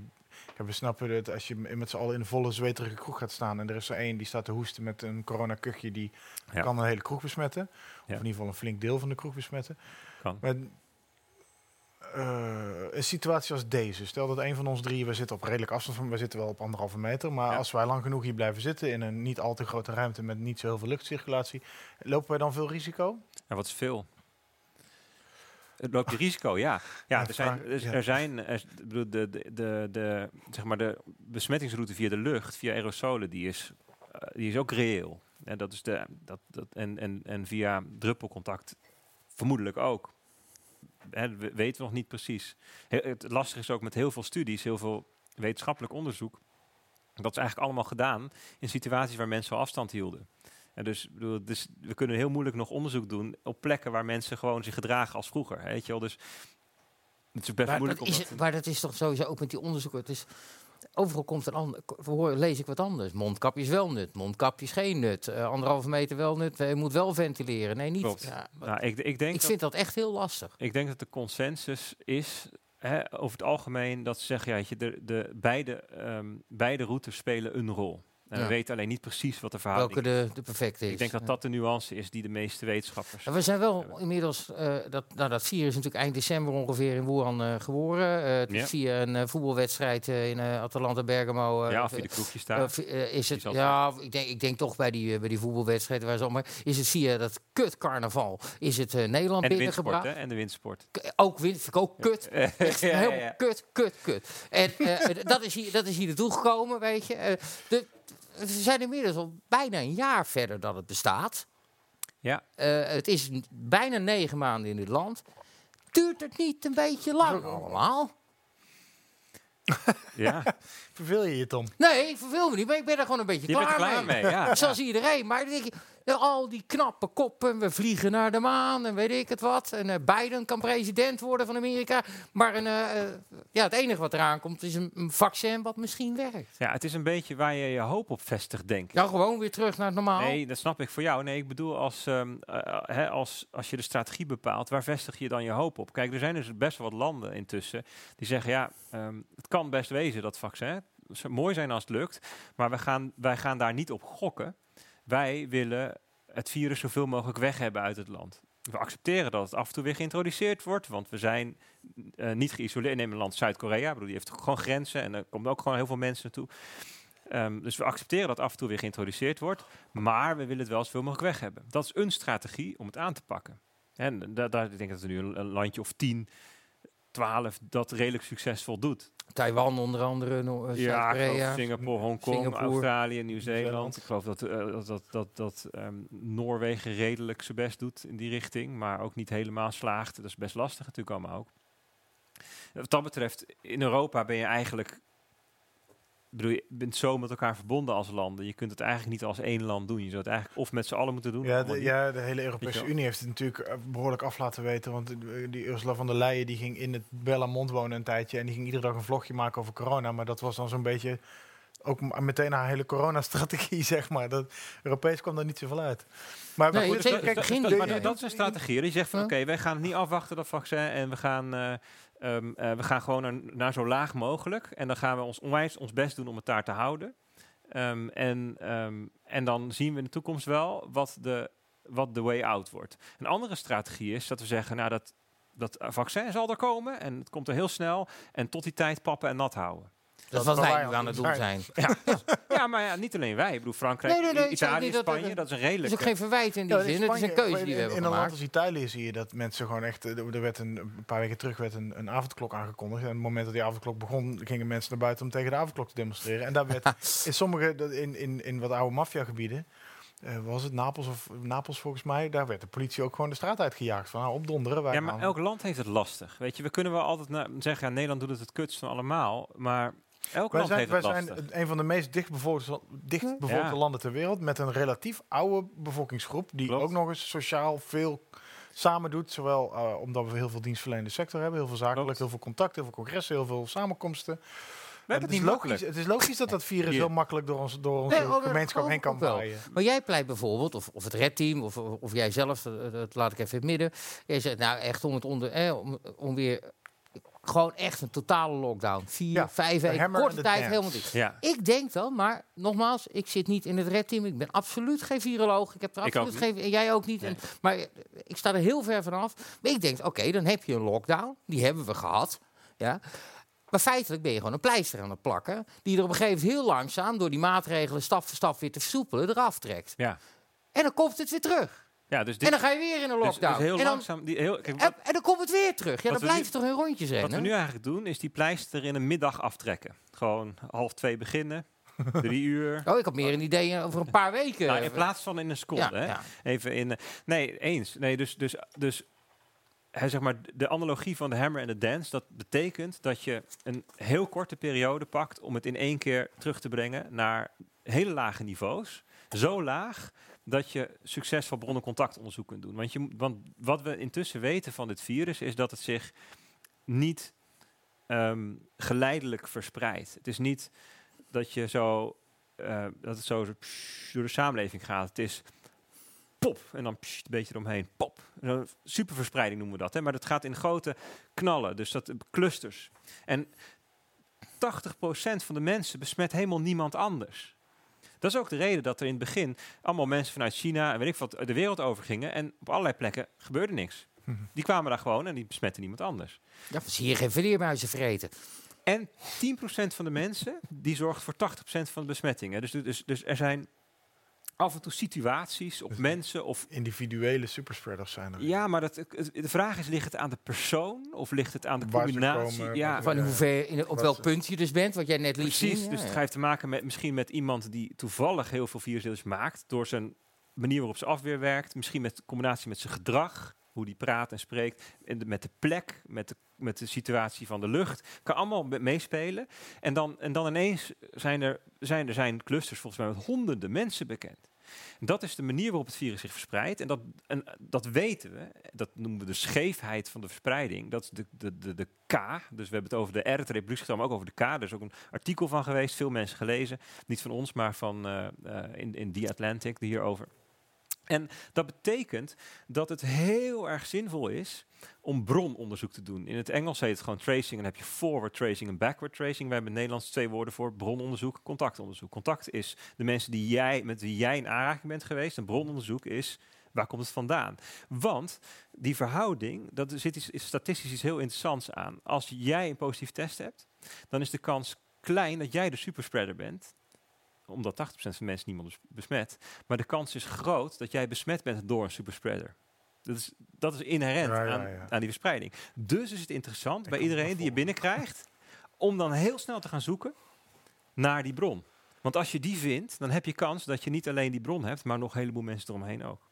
En Dus dat, en dat, kan alleen maar als bron- en contactonderzoek lukt. En dat bron- en contactonderzoek, dat kan alleen maar slagen als het binnen bepaalde marges van aantallen. Het is een numbers game. Je kan maar zoveel mensen per dag onderzoeken op zoveel plekken. Klopt. Nou, dus, En als er dus te veel mensen ziek zijn, dan heeft het geen zin meer, want dan heb je geen zicht op waar het. Ja, het is, het- je, moet, je moet eigenlijk de mensen zien als een graaf. Hè, dat is een netwerk. eh, dus ook eh, wiskundig gezien. Dus met, met, eh, zoals je bijvoorbeeld een landkaart hebt. Dat zijn Mhm. de plaatsen en de wegen ertussen. Zo, zo, is, zo, is, zo Ja, ja. is de samenleving ook. En je moet eigenlijk op die graaf kunnen zien hoe dat is gegaan. En als, het, als er het virus te veel rondgaat, dat noemen ze ook, epidemiologen noemen dat community spread, hè, dus gemeenschapsverspreiding, dan gaat het eigenlijk Zingen in de kerk. ongecontroleerd door de gemeenschap. En je kunt eigenlijk niet meer zien waar het nou vandaan komt en waar het heen gaat. En de bovengrens wereldwijd wordt of op 3 of op 5 procent positieve tests gezet. Als een soort van vuistregel, natte vinger. Weet je, als daarboven zit, dan heb je grote kans dat je dat, dat je dat zicht kwijt bent. Maar wat je dus moet kunnen doen is razendsnel testen. En daarom in die Aziatische landen weten ze dit. Kun je daar meteen terecht en weet je binnen een paar uur je uitslag. Want dan kun je namelijk heel snel beginnen met het brononderzoek. En daarna moet je meteen het brononderzoek gaan doen. En meteen al die mensen in isolatie. Als je dat lukt, dan is het interessante dat het bron- en contactonderzoek op zichzelf ook heel erg bijdraagt aan het omlaag brengen van de R. De, die bekend, dat is hoe je andere Reproductiewaarde. besmet- Ja, de reproductiewaarde. En, En- die moet naar 0,7 vinden jullie toch? Nou ja, dat, dat, nou ja, dat is nog een ander, ander punt. Maar die, moet- die, moet- die, moet, die moet onder de 1 blijven. eh, Om- als je op laag niveau zit. Ja, om, niet, ja, om Ja. af te nemen in plaats Ja. van te groeien. En want als je onder de 1 zit, dan besmet je dus één persoon besmet minder dan één persoon. Gemiddeld. Gemiddeld, Ja, oké. ja. Mag ik een klein stapje maken naar eh, eh, groepsimmuniteit? Mhm. Die zit al aardig in het verlengde hiervan. Eh, en dat, eh, Bart, hè, want ik schrijf het heel, herd immunity. Je had er een filmpje bij. Ik, Wil je daar die is heel een instartje bij. Ja. Ja. wil je die introduceren of willen we eerst kijken? Nou, kijk maar even. We gaan eventjes kijken naar het enige instartje dat we hebben, eh lieve heer. Ja, behalve die na de uitzending van Jopie Parleviet. Herd community. Kunnen we die instarten?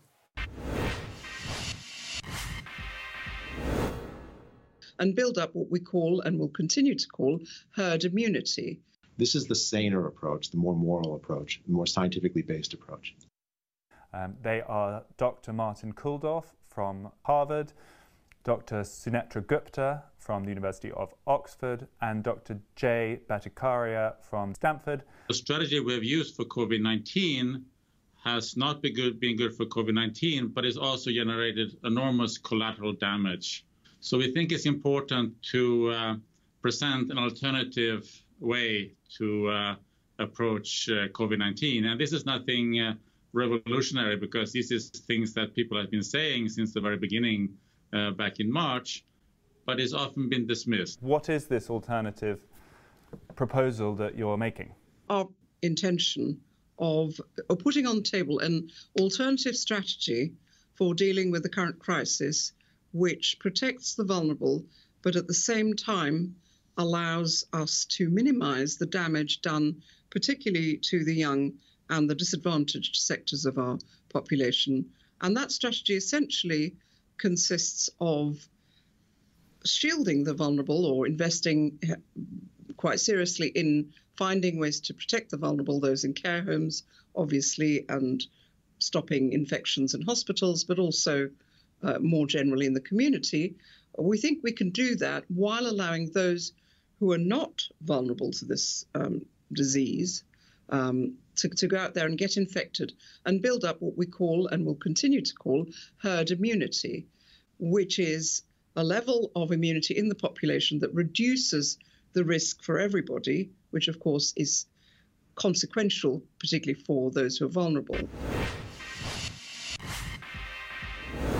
Ja, het, het, zag er een beetje raar uit. Ik was vooral heel erg afgeleid door de ananas die er stond. Maar ergens ging ook hier iets mis, technisch gezien. Dus je zag de mensen niet. Maar Bartje, vertel me even. Jij wilde dit, laten zien. Wie zijn deze mensen en wat zijn, vertelden ze Dit zijn drie, drie professors van Stanford en een, ergens in Noorwegen en uh, Oxford. En zij pleiten een aantal maanden geleden voor herd immunity, groepsimmuniteit. Uh, op grond van uh, niet alleen het, het, beschermen of tegen het virus, maar ook het beschermen van mensen die gezond zijn. En zorgen dat die mentaal gezond zijn, gezond blijven. Dat ook de, met name de wat kansarmer in de samenleving uh, normaal en vrij kunnen blijven bewegen om ja. te doen wat zij al heel hard moeten doen om überhaupt mee te blijven komen in de huidige moderne maatschappij. En uh, dit sluit, dit, dit, ik vond hier een beetje onderbouwing bij toen ik dit keek. het is een videootje, de hele video duurt een half uurtje. Uh, en er zit een manifest bij wat je internationaal kon tekenen, wat heel veel artsen en wetenschappers ook ondertekend is. Wat echt uh, nuchter, en als je niet roept van laat het maar woekeren en doe maar wat, maar wel echt probeert om een beetje een balans te vinden. Maar wel met het oog op, als weerbare mensen het krijgen, is dat niet zo erg, zolang je de kwetsbaren beschermt.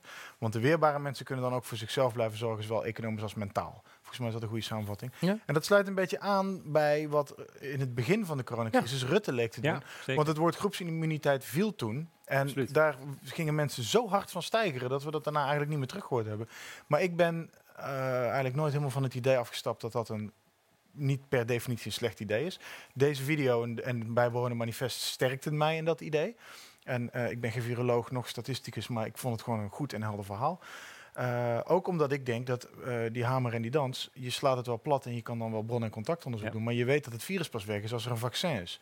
Dus je moet toch either way gaan, zowel uh, ofwel groepsimmuniteit ofwel die, dat, dat verkleinen of een combinatie van beide. omdat als je een lockdown doet, en hij gaat weer open, wat Tom net ook al zei, dan komt dat virus onherroepelijk toch wel weer terug. Dus dan blijf je een beetje van lockdown naar lockdown ja. Dat, dat hoeft dus niet per se, hè?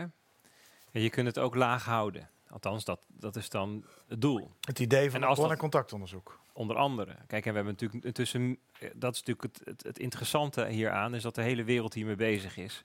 Hè, dus um, elke maand, elke week zijn er nieuwe inzichten in hoe kun je mensen... Ik dacht bijna dat je ging zeggen, elke gek kan hier zijn eigen... Nee, nee, maar er ontstaan steeds meer inzichten in hoe kun je mensen beschermen, hoe kun je uh, zorgen voor preventie, hoe kun je betere behandeling, hoe kun je Um, uh, slimme interventies. En neem bijvoorbeeld de sneltesten. Nu heb je het verhaal van Slowakije gehoord. Die hebben gewoon de hele, hele bevolking, getest, bevolking twee keer getest en een bepaalde regio al drie keer.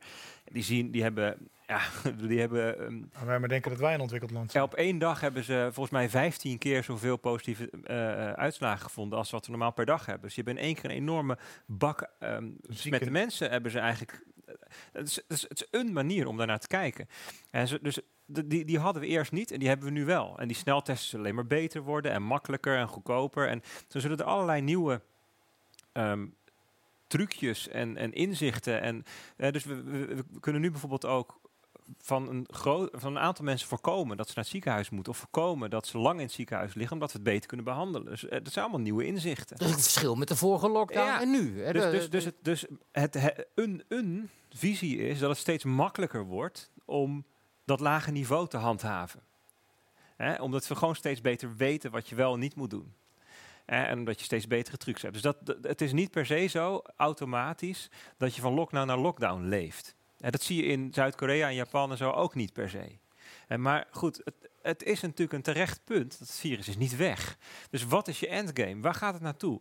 Gaat het, is het via een vaccin? Of is, het op een, is dat omdat je het lang, heel erg lang laag houdt totdat je mensen zo goed kunt behandelen dat je zegt van nou ja, het virus kan rondgaan, want als iemand daadwerkelijk ziek wordt, dan hebben we een behandeling. Kan ook. Er zijn allerlei manieren die naar een stabiele situatie toe leiden, ergens in de toekomst.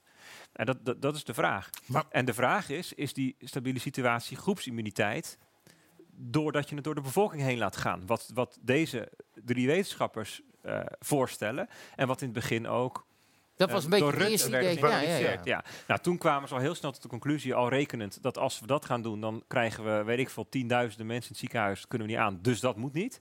We zeiden van, nou, we laten het niet vrij rondgaan. We doen flatten the curve. En raise the bar, dat was toen het dingetje. Dus dat betekent, we smeren het uit over lange tijd. En we zorgen dat de capaciteit van de zorg iets omhoog gaat, die combinatie. En daarvan zijn ze later ook teruggekomen. en Zeggen van ja, weet je, dat legt zo. Lukte wel in het begin. Eh, Nou, dat is, nou, het begin is ja, gelukt. We hebben, we hebben de hele zorg stilgelegd. Ja. Dat Ja, was niet echt ja. succesvol. En, Nee. en de maatschappij hebben acht weken stilgelegd.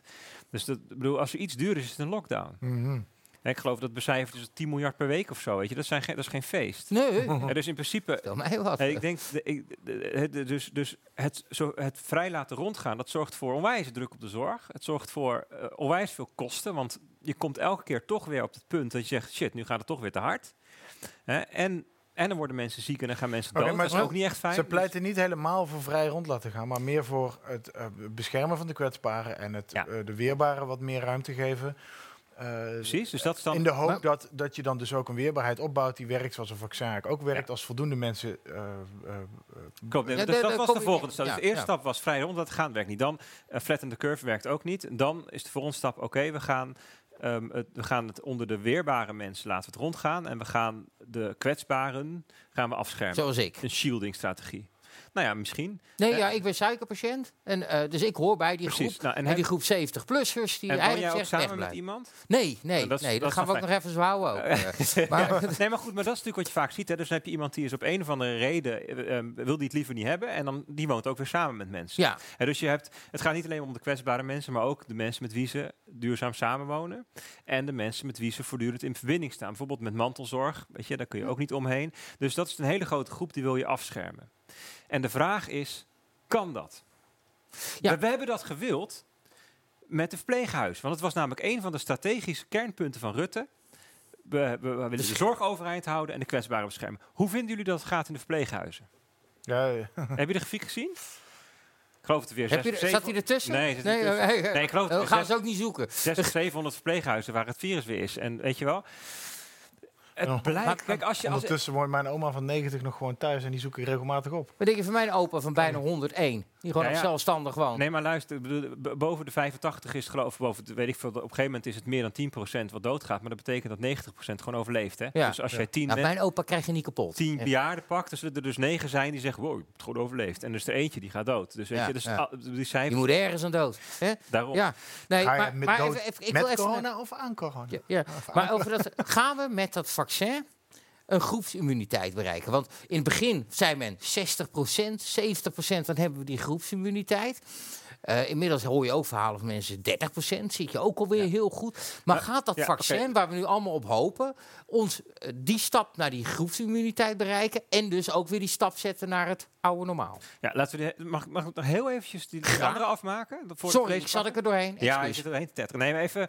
eh, eh, dus, eh, Meestal hij hoor. de, vraag, nu, eh, de vraag is van, kun je die mensen afschermen? En wat ik hoor van epidemiologen, die ervaring hebben in outbreaks waar ze dit geprobeerd hebben, zeggen shielding strategies never work. Dat lukt niet. Het kan gewoon niet. Mensen, Beschermen. Mensen gaan te veel, ja, dus mensen afschermen van elkaar. Mensen gaan naar elkaar toe. Mensen hebben contact met elkaar. Ehm, eh, die, die, die, die mensen van 60 staan ook voor de klas. Die zijn ook je burgemeester. Die zijn ook je CEO. Weet je, dat is heel lastig. Maar stel nou dat je als land besluit: wij willen dit proberen. Dat kan. Dat mag. Ik bedoel, we zijn een vrij land, we zijn een, soevereine natie. Dus wij kunnen met elkaar besluiten, 17,5 miljoen mensen, wij gaan dit proberen. Kan. Als we dat doen, zou mijn advies zijn, doe dat nou dan even als je op een laag niveau van virusdruk zit. Want als je het nu probeert met die volle ziekenhuizen en het mislukt dan, Dan heb je, dan heb je een ja. klikbende. Ja, ja. Dus als je dit dan als al zou willen proberen, waar ik zelf om allerlei redenen niet voor zou zijn, maar stel dat je dat besluit als land, dan doe het dan in ieder geval op een niveau dat als het dan misgaat, dat je nog iets kunt. Dat je nog kunt voorkomen dat je weer heel langdurig een, eh, zo'n situatie ingaat als nu. Ja, want in de zorg, dat is nu echt geen feest. Als je daar, eh, Nee, dat geloof ik ook niet. Maar Nee, die mensen hebben Maar- het rotste jaar van dus dan, oké, dan is vra- nu dat, vraag, punt over die vaccin. Ja, dat zou natuurlijk eh, waanzinnig zijn als je een veilig vaccin hebt, waarmee je daadwerkelijk in één keer naar groepsimmuniteit kunt. In één keer. Dat, kan natuurlijk, dat, dat, dat, dat heeft ook tijd nodig natuurlijk. nee, maar goed. maar is een vaccin een middel om die groepsimmuniteit te Het bereiken? zou kunnen. Dat zou, ja, maar dat zou, eh, als je het zo hoort. En dan hebben we verschillende vaccins, van Pfizer onder andere, Ja. die van de blauwe pilletjes. Eh, maar eh, eh, maar Poetin, die kwam ook eh, eh, om de hoek kijken. En die heeft dan een Sputnik-vaccin. Ik denk, nou, een betere naam had hij ook niet kunnen verzinnen natuurlijk. En die is vervolgens op wel 38 Russen getest. Dat is waarschijnlijk allemaal 38 dacht Russen die hij ook zeggen, kende. Het is op vier Russen getest. Ja, nee, hij maakt hem. Hij wint. Hij wint vanavond de, de slechtste grap Ja, vanavond. dat is voor het eerst dat een gast wint. Knap, hè? Echt, je hebt een shirt verdiend. Echt. Nee, maar- aan trouwens. ja, nee, ik heb hem hier al liggen. Maar, eh, maar eh, want daar zit ik. Iedereen, iedereen loopt alweer de Polonaise te lopen met die vaccin. Dus lopen we te vroeg de Polonaise? Eh, kunnen we carnaval halen? Het hoeft niet voor mij hoor. Maar Nee, dat sowieso niet. Hè. Dus Kerst het is, is niet, ook niet? nee, nee, dat vaccin wordt. Is, wat ik, tenminste, wat ik ervan hoor, is dat ze verwachten dat dan in de loop van 2021. ehm, het wordt natuurlijk verdeeld over de hele wereld. Hè, dat er dan langzaam in Ja, het- batches het, wordt was, dan. het was vandaag in het nieuws dat het eh, ongeveer nog een jaar gaat duren. Ja, en dat toch? eh, Nederland krijgt 11,7 miljoen, 11, iets, 11, zoveel miljoen vaccins van die Ja. Pfizer-vaccin in ieder geval. Want er staat bij, er kan in de tussentijd kunnen er ook nog Ja. andere bedrijven, andere makers kunnen met vaccins Precies. komen. Maar het, het is vooral een logistieke uitdaging. Hoe ga je mensen vaccineren? Op wat voor Ja. manier ga je dat doen? Is het verstandig om ze allemaal samen te brengen? Of moet je ze, zeker de ouderen en de kwetsbaren die je als eerst wil inenten, die ga je niet allemaal in de sporthal verzamelen? Want Ja, dan we maken weten, ze nog, elkaar we weten nog ontzettend veel niet, hè, ook van het vaccin. ja. We we, bedoel, wat was het nou op 90 mensen of zo? Kijk, we weten nog helemaal niet zo goed. Nee, op 90% van de Ja, de testen. Hij was, Maar- ja, maar- ja, als je die op 10 en er zijn 9 mensen, eh, Ja, nee, dan, ja, dan zit je op precies. 90 Nee, maar het aantal cases is nog best wel laag. We weten hoe werkt Op het dit moment kreeg je nog Zijn een, we een- te rooskleurig op dit op moment? dit moment kreeg je nog een onderzoek onder mensen die dat, dat ik meen 40% zei dat ze dit vaccin niet zouden nemen. Nou, dat is dan, dan, dan heb je op Dus zich die al. discussie krijg je Maar het ook is nog. bijvoorbeeld nog Maar goed. van hoe, hoe werkt het vaccin op mensen die een minder goed immuunsysteem hebben? Hoe werkt het vaccin op ouderen? Hoe werkt het vaccin op Of mensen met die ook- ander onderliggend lijden. Dat Ja, dus dat, dat, dat, dat zijn nog best wel vragen, denk ik. En Wat, wat, veiligheid is natuurlijk heel belangrijk, hè, want ja, goed, het moet wel. eh, wat, wat, wat Hugo de Jonge van de, week, eh, van de week al aangaf, die zei dat hij er op zich wel voor is om te zeggen, nou, mensen die zich niet willen laten vaccineren, hebben gewoon mogen bijvoorbeeld niet een kroeg in of niet naar een festival. Ben je daarvoor? nee, lijkt me niet oké. Nee? Nee, nee. Maar dan kan je toch een beetje gescheiden houden? Tom, burgerrechten. Nou. een Ja. vaccin is geen. Het, het, het is, je kan dat nog altijd gewoon weigeren. Dat, is, Mhm. dat vind ik terecht dat het kan. Het is in sommige gevallen heel dom om het te doen. Maar het- vind, dat vind ik dan ook weer. Maar moet Maar- je dan wel de kroeg in als kans is dat je dan weer mensen Eh, besmet? dat hangt een beetje vanaf voor doelgroep je bent. Als je, als je kwetsbare doelgroep bent en je weigert je te vaccineren en je gaat jezelf in een massa begeven, ja, dan vraag je er zelf ook een beetje om, zeg maar. Dan neem ja, je maar een je bewust- bes- brengt maar je moet wel anderen de- in gevaar. Niet per se, want wat hij net uitlegt, wat, wat onze eergewaarde gast net uitlegt, is dat de meeste mensen niet andere mensen besmetten, maar besmet worden door iemand anders.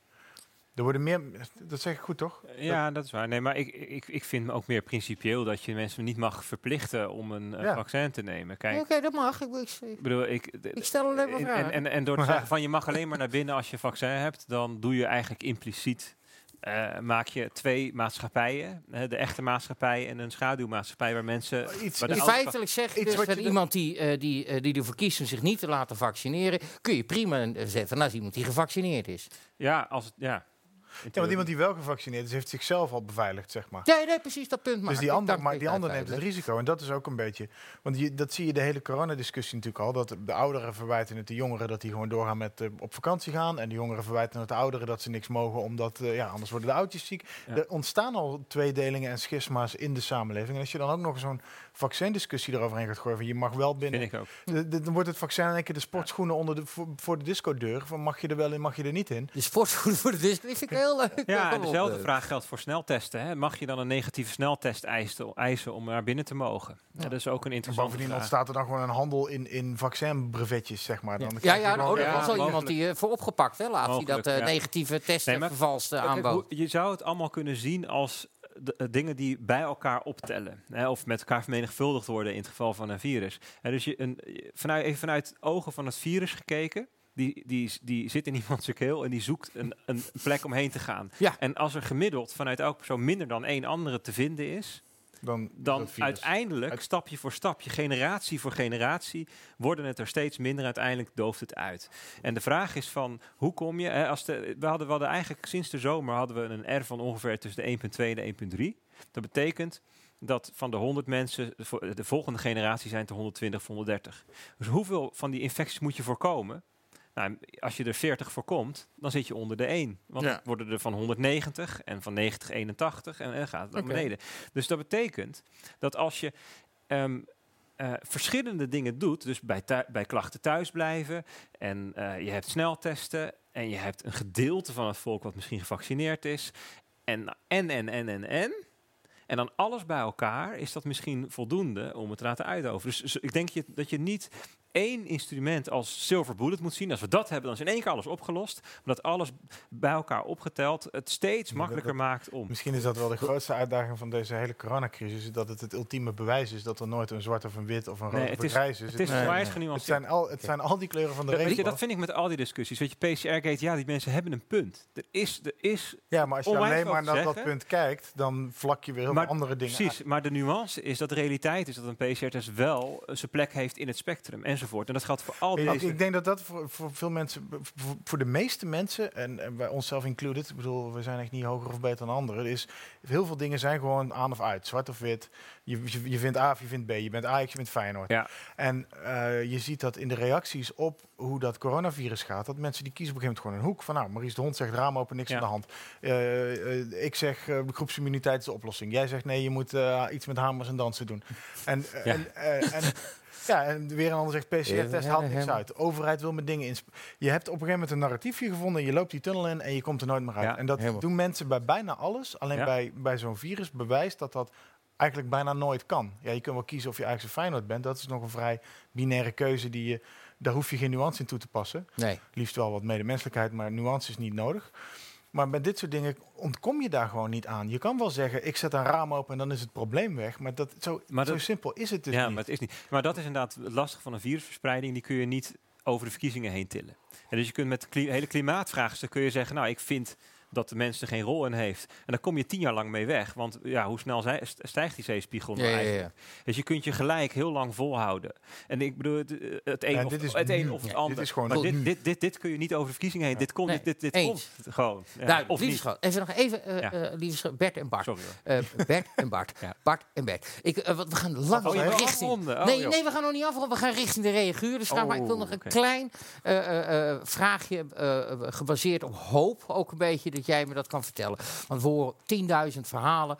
En eh, waar ik namelijk heel erg, hier neem nog wat kiwi en Ja, watermeloen, jongen. Veel plezier ermee. Weer de kip naast. Nee, maar ehm, Heb je dat? Nee, natuurlijk niet. Een watermeloen, kip, laat maar. Ehm, en negers. Nee, wat, wat slecht. Het gaat me erom dat ik ik, ik, ik... ik kijk natuurlijk alle talkshowtjes en dat soort dingen. Dat hoort bij mijn werk. Ehm, en ik, ik hoor twee verschillende dingen. De een zegt, we gaan nooit meer terug naar het oude normaal. Sommige mensen zeggen, we gaan gewoon na dat vaccin... met die groepsimmuniteit weer terug naar het Ja. oude normaal. Zeg het maar. Ja, we gaan wel terug. Naar het oude normaal. We kunnen ja. gewoon weer Ja, we gaan, tegen elkaar schuren in de gaan, kroeg. ja, we gaan terug naar een, ehm, naar een goed werkende eh, maatschappij. En- Dat zou sowieso dat het- fijn dat zijn. het, nieuwe nieuw, het nieuwe normaal is niet normaal. En Maar dat- wordt, dit- wat wordt er wel anders? ja, en we gaan wel, kijk, er zijn wel dingen die, die zijn sporen achterlaten. Dus er zijn dingen die zijn nu anders geworden en die gaan niet meer terug. Hè. Dat, eh, in, in de complexiteit noemen we dat padafhankelijkheid. Er is ergens iets gebeurd en het wordt nooit meer exact zoals het was. Dus bijvoorbeeld het thuiswerken, Mhm. zoals we dat nu hebben gedaan, dat zal bijvoorbeeld tot gevolg hebben dat we meer blijven thuiswerken, toch? Of dat we anders kijken naar kantoren. Of dat we minder de wereld over gaan vliegen voor meetings. eh, all over the world. Alleen maar goed, Of toch? Dat, nou, ja, dat zou Ik denk, dat- ik ben al- alleen die laatste, daar ga ik in mee. Minder de wereld overvliegen voor meetings, daar ga ik in mee. Want we hebben gezien dat, dat in principe kun je veel dingen best wel met een uurtje zoomen af. Maar als je dagelijks moet zoomen, omdat je niet op een kantoor zit met je collega's, word je knettergek. van. ja, dat is waar. Maar Het bijvoorbeeld... kost je veel meer energie. Het werkt niet zo heel goed. Er is altijd wel iemand die te laat is of die stoort. Of, dat is in een fysieke vergadering ook, maar dat is toch een andere dynamiek. Ja, ja, dus ik zeg ook niet dat we precies zo blijven werken als nu. Maar ik denk dat we ook niet meer precies teruggaan naar hoe het was. En er zijn allerlei dingen. Ik merk het bijvoorbeeld in mijn eigen werk, waar voorheen was het gewoon de mores. Dit moet je fysiek doen bij elkaar. Dat ver- vereist de klant ook. Dat is hoe het hoort. Ja, maar En intussen zijn er ook wel bepaald soort meetings waarvan we eigenlijk met elkaar vinden. Het Hey, is wel net zo handig om de- even... de- die discussie over, over dat thuiswerken en dat telewerken en die Zoom-sessies, dat gaat natuurlijk alleen maar over mensen die functies hebben waarin alleen maar mens-tot-mens contact of onderling overleg aan de hand is. Maar een vuilnisman gaat nooit jouw huisvuil via Zoom ophalen. Nee. natuurlijk. Er Nee, zijn nee, nog dat- steeds dat blijft onwijs altijd. veel beroepen die Nee, maar de vraag... dat zie je nu ook in de, dat zie ik volgens mij nu ook in de dagelijkse praktijk, dat de mensen die eh, veel met corona bezig zijn en zich ook grote zorgen over maken, zijn degenen die thuis werken, op afstand kunnen zitten, een schermpje hebben en door kunnen werken. Terwijl ik ben met mijn auto naar de garage geweest en het was net alsof in die garage niemand wist dat er überhaupt een virus aan de hand was. Ja. En dat vond ik heerlijk, vond ik heel fijn, want ik kon zelf ook normaal doen daar en dat doe ik graag waar mogelijk, met eh, inachtneming van ieder, ieders wensen. Maar eh, je ziet in de, in de eh, wat meer ambachtelijke klassen, laat ik het zo Ja. omschrijven, zie je dat daar, daar is eigenlijk helemaal, daar is geen nieuw normaal. Daar is gewoon het Nee, normaal. maar, nee, steeds maar normaal. een, een bakker zal zijn brood Ja. in de bakkerij moeten bakken. Maar goed, ik, we, hadden elkaar vanmiddag aan de telefoon. Toen haalde ik het voorbeeld ook al even aan. Eh, in Utrecht he- heeft de, eh, is Rabobank een van de grootste werkgevers, op één na de grootste zelfs, een mega kantoor laten bouwen. De verrekijker noemen ze een afzichtelijk ding. En er staat er een paar maanden terug staat er een of ander kutje van de, van, van de communicatie. Staat dan voor de NOS een interview te geven. Zegt ze, nou, we hebben hier kantoor gebouwd tien jaar geleden.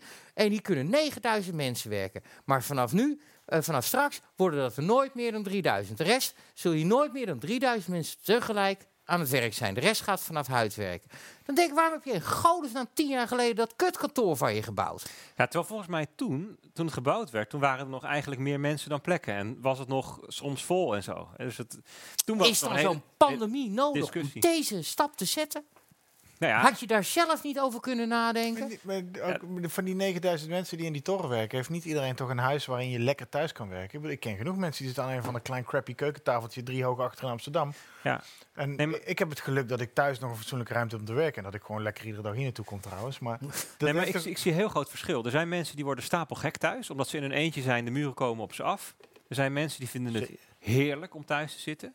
De rust, de introverte mensen misschien, tijd om te denken, geen minder prikkels. Er zijn mensen die worden stapelgek omdat thuis vrouwlief ook zit te werken en de kinderen rond, weet je ook ellendig. Dus of- het verschil er geen scheiding meer is tussen werk en privé. Dat soort dingen, dat kan allemaal. Dus het is, dat verschilt heel erg. Maar wat, wat ik denk dat er verandert, is dat we minder dogmatisch zijn over dat dingen per se in person moeten.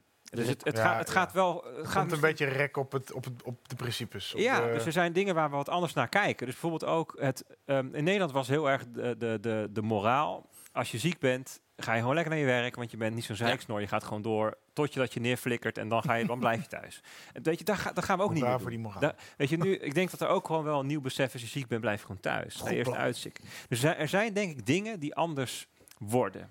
Maar de, Ja, horeca, we ik, denk anders dat, ik denk dat je met de meeste van die dingen beter zo weer vergeten. Ja, maar de horeca. Ja. Wat, eh, gaat dat weer gewoon terug normaal? Kunnen we straks weer gewoon met 400 man Ooit. in een kroegie Zeker. lekker aan de shotjes en eh, tegen elkaar rijden Ja, denk en het wel. kotsen in het Ja, wat pissen weet- tegen de bar weet- en weet ik het. eh.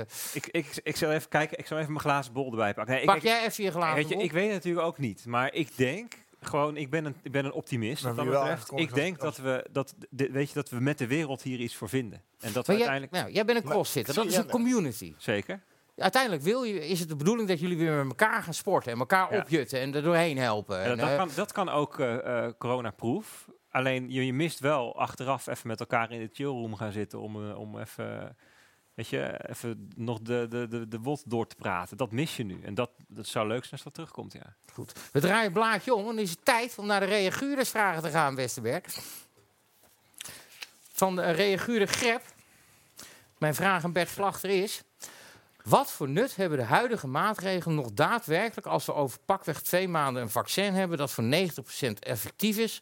Kunnen we de vlag al uithangen of moeten we rekening houden met een nog veel langer durende maatregel? Die hebben we al een beetje besproken, maar kun je Ja. hier wat kort antwoord op Ja, we hebben het over gehad. Hè. Kijk, als, hè, als, als je weet dat het over twee maanden afgelopen is, dan hoef je misschien, weet je wel, maar die als weten we niet. We weten het niet. We weten het niet. En, en wat we wel weten, nou ja, dat volgens mij heeft iemand van het RIVM vandaag dat verteld in het nieuws, dat het nog waarschijnlijk over een jaar verspreid gaat worden. Nou ja, als dat zo is. En ook dat weten we niet, want het kan best zijn dat naast Pfizer AstraZeneca met iets komt en nog eentje, nog eentje, nog eentje, en dat het ineens, weet je, who knows? Pfizer is niet zo dat Straks zegt, kun je gewoon je de smaakje kiezen, zeg Ja. maar. eh. Ja, ja, precies. Welke, welke Deze heeft Hoe die wij- bijwerking, deze heeft die bijwerking. Nou, Ja. dan die maar. die Nee, maar in, die, in, die, in, die, in, die, farmaceutische industrie, het is natuurlijk niet zo dat Pfizer zegt, oké, deze formule hebben we, deze broncode, eh, maak het maar na, want wij hebben de capaciteit niet eh, en geef ons daar geld voor. Is- Ja, dat is- weet ik niet. Zou Weten we ook eh, niet. Nee, maar kijk, Nee, nee, ik, misschien dat de andere... Er zijn allerlei soorten manieren waarop je vaccin kunt maken met verschillende routes. Eh, dit is een mRNA-vaccin Mhm. die op messenger-RNA werkt. Dat is anders dan waar anderen naar onderzoek naar aan het doen zijn. En het kan best zijn dat, ze, dat, dat dit niet werkt, toch? En dat iets anders wel werkt. Weet je, dat, Of dat is- het ene langer effect heeft dan het andere. Want dat stond ik vandaag ook nog in. Ja. Las ik vandaag ook nog dat de kans bestaat dat je als je gevaccineerd wordt, dat je binnen twee maanden en daarna binnen vier maanden nog eens gevaccineerd moet Dat worden. heb ik ook Hoe nou? Bijvoorbeeld. Hoe Dat nou? Dat gisteren niet. werd het heel leuk uitgelegd bij op één door eh, de, de directeur van, de, van Sanquin, leuke vent, grote Ramstein-vent. Die zei: Oké, er is een verschil tussen vaccinatie en medicijn. Vaccinatie is, hè, je cre- creëert die, die anti-lichamen Ja. en hey, eh, eh, weerstand. En je bent er voor altijd vanaf. En de medicijn is. Je bent er waarschijnlijk voor twee maanden vanaf en daarna kan het weer terugkomen. Daar zit wel een verschilletje in. Mogelijk, ja. Frits Binkenstein, ja, ze mogen hier Ja, een eigen nick. goed. ben jij reaguurder eigenlijk bij ons? Jazeker. Ja, onder welke naam? Ja, dat ga ik je niet Ja, vertellen. dat wil nooit iemand zeggen, weet je. Nee, natuurlijk niet. Nee, nee, terecht hoor. Veel gehoorde klachten over het OMT is dat de expertise hierin vooral voor uit de medische epidemie... Wil jij die uitspreken? Veel gehoorde klachten voor- over het OMT is dat de expertise hierin vooral uit de medische en epidemiologische Dat hoek komt. Waardoor sociale en ook economische factoren wellicht onvoldoende meegewogen worden in de besluitvorming. Op het eerste gezicht lijkt het Red Team qua samenstelling niet wezenlijk anders te zijn. In hoeverre wordt de maatschappelijke impact meegewogen in de aanbevelingen van het Red Team? Ja, dat is dus. Het, eh, ik denk ook op het eerste gezicht dat je wel kunt zien dat het breder is. Hè. We Ja. hebben een eh, antropoloog, dus iemand die met gedrag heel goed is. Van hoe communiceer je dat nou? Hoe zorg je nou voor draagvlakcommunicatie of risicocommunicatie? We hebben een gezondheidseconoom. En dus we hebben wel die genoemde hoeken er, er wel meer in. Hoeveel mensen zitten erin in dat Team? Twaalf. Twaalf, oké, oh, sorry. Maar, maar, maar eh, kijk, de overheid heeft dit ook wel. Hè. We moeten ook niet doen alsof het alleen maar het OMT is, dat er verder niks is. Eh, ook rondom het kabinet is meer dan alleen maar het OMT. En er is, is ook een gedragsunit en er is ook een economisch eh, mensen die over economie nadenken. Alleen het lastige is dat er zijn twee dingen lastig. Het ene is dat het niet geïntegreerd is. Dus het zijn eigenlijk allemaal losse stationnetjes. En het andere wat lastig is, dat Rutte heel erg expliciet gemaakt heeft in het begin. Dat hij één op één het advies van het OMT overneemt. En dan, dan zit je er een beetje... Ja, ik heb wel het gevoel dat het nu niet meer is. Nee, dat, is nu wel anders. Ja, en daar zie je af en toe ook wel wat frustratie bij meneer Van Dissel. Zeker, zeker. Dat is wel Daar- weer leuk daar is- dat, dat is mooi om dat te volgen. Maar dus het is ook weer niet zo ehm, simpel dat, er helemaal, dat het allemaal niet ehm, eh, bekeken wordt eh, Nee. door het kabinet. Dus ehm, Oké, duidelijk. Eh, dit- ben ik niet, de volgende nickname. Echt niet. Ik ben geen, serieus geen reaguurder bij, eh bij Geen Stel. Maar reaguurder Tom Tidom. ja, ja, ja, ja. Slachter, jij in dit geval. Ben jij eh, zoon van, of niet? Van wie? Jan? Nee. nee, De familie nee, überhaupt? nee, niet dat wij weten. Nee, die werd vraag werd ook een aantal keer. Ja, gesteld. ja, ja. Niet dat we durven uitzoeken. Nee, Nee, nee, nee. nou, er zijn geloof ik in Nederland maar 2000 slachters. Er zijn er meer buiten Nederland dan binnen. In Er zijn er maar 2000 slachters in Dus Nederland. ja, ja, ik ze heb- uitsterven ik heb ooit eens- Een beroep. Ja, het. Slachter zaait, jij dus, onnodig paniek. Al zijn virus des doods voorspellingen zijn niet uitgekomen en de huidige maatregelen lijken voldoende te zijn om de boel onder controle te houden. Ik begrijp nooit wat het redteam bij, bij een totale lockdown denkt. Dat we op een eiland zitten. Binnen no time moet je dan weer naar een lockdown. Dat is veel meer ontwrichtend voor de maatschappij, welzijn e- en economie dan, dan het huidige beleid. Het is geen vraag, maar een stelling, Nee, dus nee. reageer erop. Dat is... eh, ehm, eigenlijk wat ik vroeg, maar dan botter geschreven. Ja, daarom. ja, eh, ja ik, ik zie zelf niet dat ik paniek zaai. Want Vind ik ook niet hoor. Nee, ik, ik probeer gewoon de feiten zoveel mogelijk te presenteren. Soms mijn eigen en soms die van een ander. Oh, sorry. Maar, ehm nou ja, kijk, ziet- we zitten nu in een ehm, gedeeltelijke lockdown, noemen we dat. Ik geloof nu eh, drie weken of Ik zo. ben blij dat we van het woord intelligente zijn afgestapt. Ja. maar we zijn nu drie weken onderweg. En hoeveel, we zijn volgens mij nog niet eens Drie weken pas, het voelt al als een... Als... Ja, ja want, want we hebben dus eerst twee weken gehad toen, en nu twee weken verzwaren of zo, hè? Was het Ja, zwaarder? ja. En dat is dan volgende week klaar, dus dan zitten we op vier weken. En we gaan de kroegen weer open. Toch? is het zo? Ik, ik, ik, ja, Ja, we gaan- Nee, we niet gaan- voor We januari. gaan, terug, we gaan terug naar de gedeeltelijke lockdown, dus de bibliotheken gaan weer open. Weet je, Oh, dat, ja, dat was erbij gekomen. Een Geen museum. boek over Zwarte Piet Ik wou kunnen zeggen, die hebben ze... Precies, dan kun je geen boek over. Maar eh, dat is nu, we zitten nu bij, zeg maar drie, drie, drieënhalve weken in. En hoe ver zijn we nu eigenlijk gedaald? Heel langzaam. En Ja, Eh, met dat- af en toe dat- weer een stijging. Ja, en dat vind ik dus schadelijk. Weet je wel? Wat is Mhm. nou schadelijk voor de economie? Ja, nu is alles. Dus bedoel, is dit slecht voor de gezondheidszorg. Ik bedoel, de zorg wordt uitgesteld. Worden nu, as we speak, worden de diagnoses gemist. Omdat mensen gewoon operaties moeten uitstellen. Of omdat mensen niet naar het ziekenhuis durven. Durven. een, eh, En, en, en, en de mensen in de zorg hebben het echt onwijs zwaar. En die, dan, dan proberen we er met 500 euro van af te komen met zo'n bonus die ze nog niet eens krijgen. Weet je wel? Duizend. Duizend, sorry. Ja, maar dankzij maar nog- Femke meer of Ja, dat- ja, ja, maar ook dat, dat dan VWS-ambtenaren die krijgen al wel proactief Ja. een, een, een Ja, je mag toch hopen dat ze dat verdomme voor kerst hebben, Maar, man. weet je, Ja, maar het, het is, het, er, gaan, er zijn mensen worden ziek, mensen gaan dood. De, de- de economie is dit ook niet best wat we nu doen. De- het is voor ondernemers die verliezen hun levenswerk door deze lockdown die nog echt wel lang moet duren voordat je op een punt bent dat de zorg weer ontlast wordt. En dus kun je, bedoel, stel dat je van mening bent, ehm, het is niet erg dat er mensen doodgaan, het is niet erg dat er mensen ziek worden, in het ziekenhuis komen, dat er mensen blijvende schade oplopen of dat is ook niet per se erg. Nee, nee, maar goed, stel dat je dat zegt van ik vind dat prima, weet je, dat, dat is acceptabel. Maar we zijn het wel met elkaar in Nederlands mostly eens dat we het niet acceptabel vinden dat die zorg zo vastloopt. Nee. Dus dan je, kun je twee dingen doen. Of je kunt zeggen, we spreken met elkaar af, mensen die ziek worden van corona blijven gewoon thuis en gaan of dood of worden beter. Either way, maar that, that's it, dat is de deal. Mhm. Dat kan. Kun je met, bedoel, we zijn een vrij land, mogen afspreken. Of je zegt, we moeten het zo laag houden dat de zorg het aan kan. Maar als je het zo laag wil houden dat de zorg aan kan, zonder dat je bronnen contactonderzoek kunt doen, dan heb je dus voortdurend dit soort klote maatregelen. Dat is ook niet relaxed. Daarom kom ik tot de conclusie, met de kennis van nu en met de middelen van nu, is het handiger om het zo laag te houden dat je gewoon wel zicht en controle hebt. En dat is de reden. Ik zeg, ga, ga daar dan zo snel mogelijk heen en doe het dan met een korte lockdown. Ik bedoel, Israël heeft drie, vier weken gedaan, heeft bijna vier halveringen gehad in die tijd. En konden weer gewoon alles open doen. Weet je, dat is, dat is, dat, ik denk dat we daar meer aan hebben. Dat is als, stel nou dat we tegen elkaar zeggen als Nederlands, kom, we doen de schouders eronder, vier weken, alles dicht en daarna kunnen we weer. Ja, en maar dan hadden we net ook al over. Maar dan kom je wel een paar weken toch weer. Een paar Maar dat is de vraag hoe goed we het dan daarna weten Ja, dan moet managen. dus wel dat bron- en contactonderzoek helemaal op orde zijn. En Ja. dat is wel een hangijzer waar we vaak tegenaan lijken te lopen dat dat dus niet op orde te krijgen is, niet zo Nou, lekker loopt. Dat, Dat is de vraag. Kijk, nu is punt is, Defensie teststraat aan het bouwen, dat zou nog... Nou ja, kijk, als je straks, kijk, als je straks daadwerkelijk op elke hoek van de straat binnen, binnen eh, 20 minuten een uitslag voor een test hebt. En ehm, het bron- en contactonderzoek is Dan kun best je wel. zelfs de Ziggo dan weer opengooien.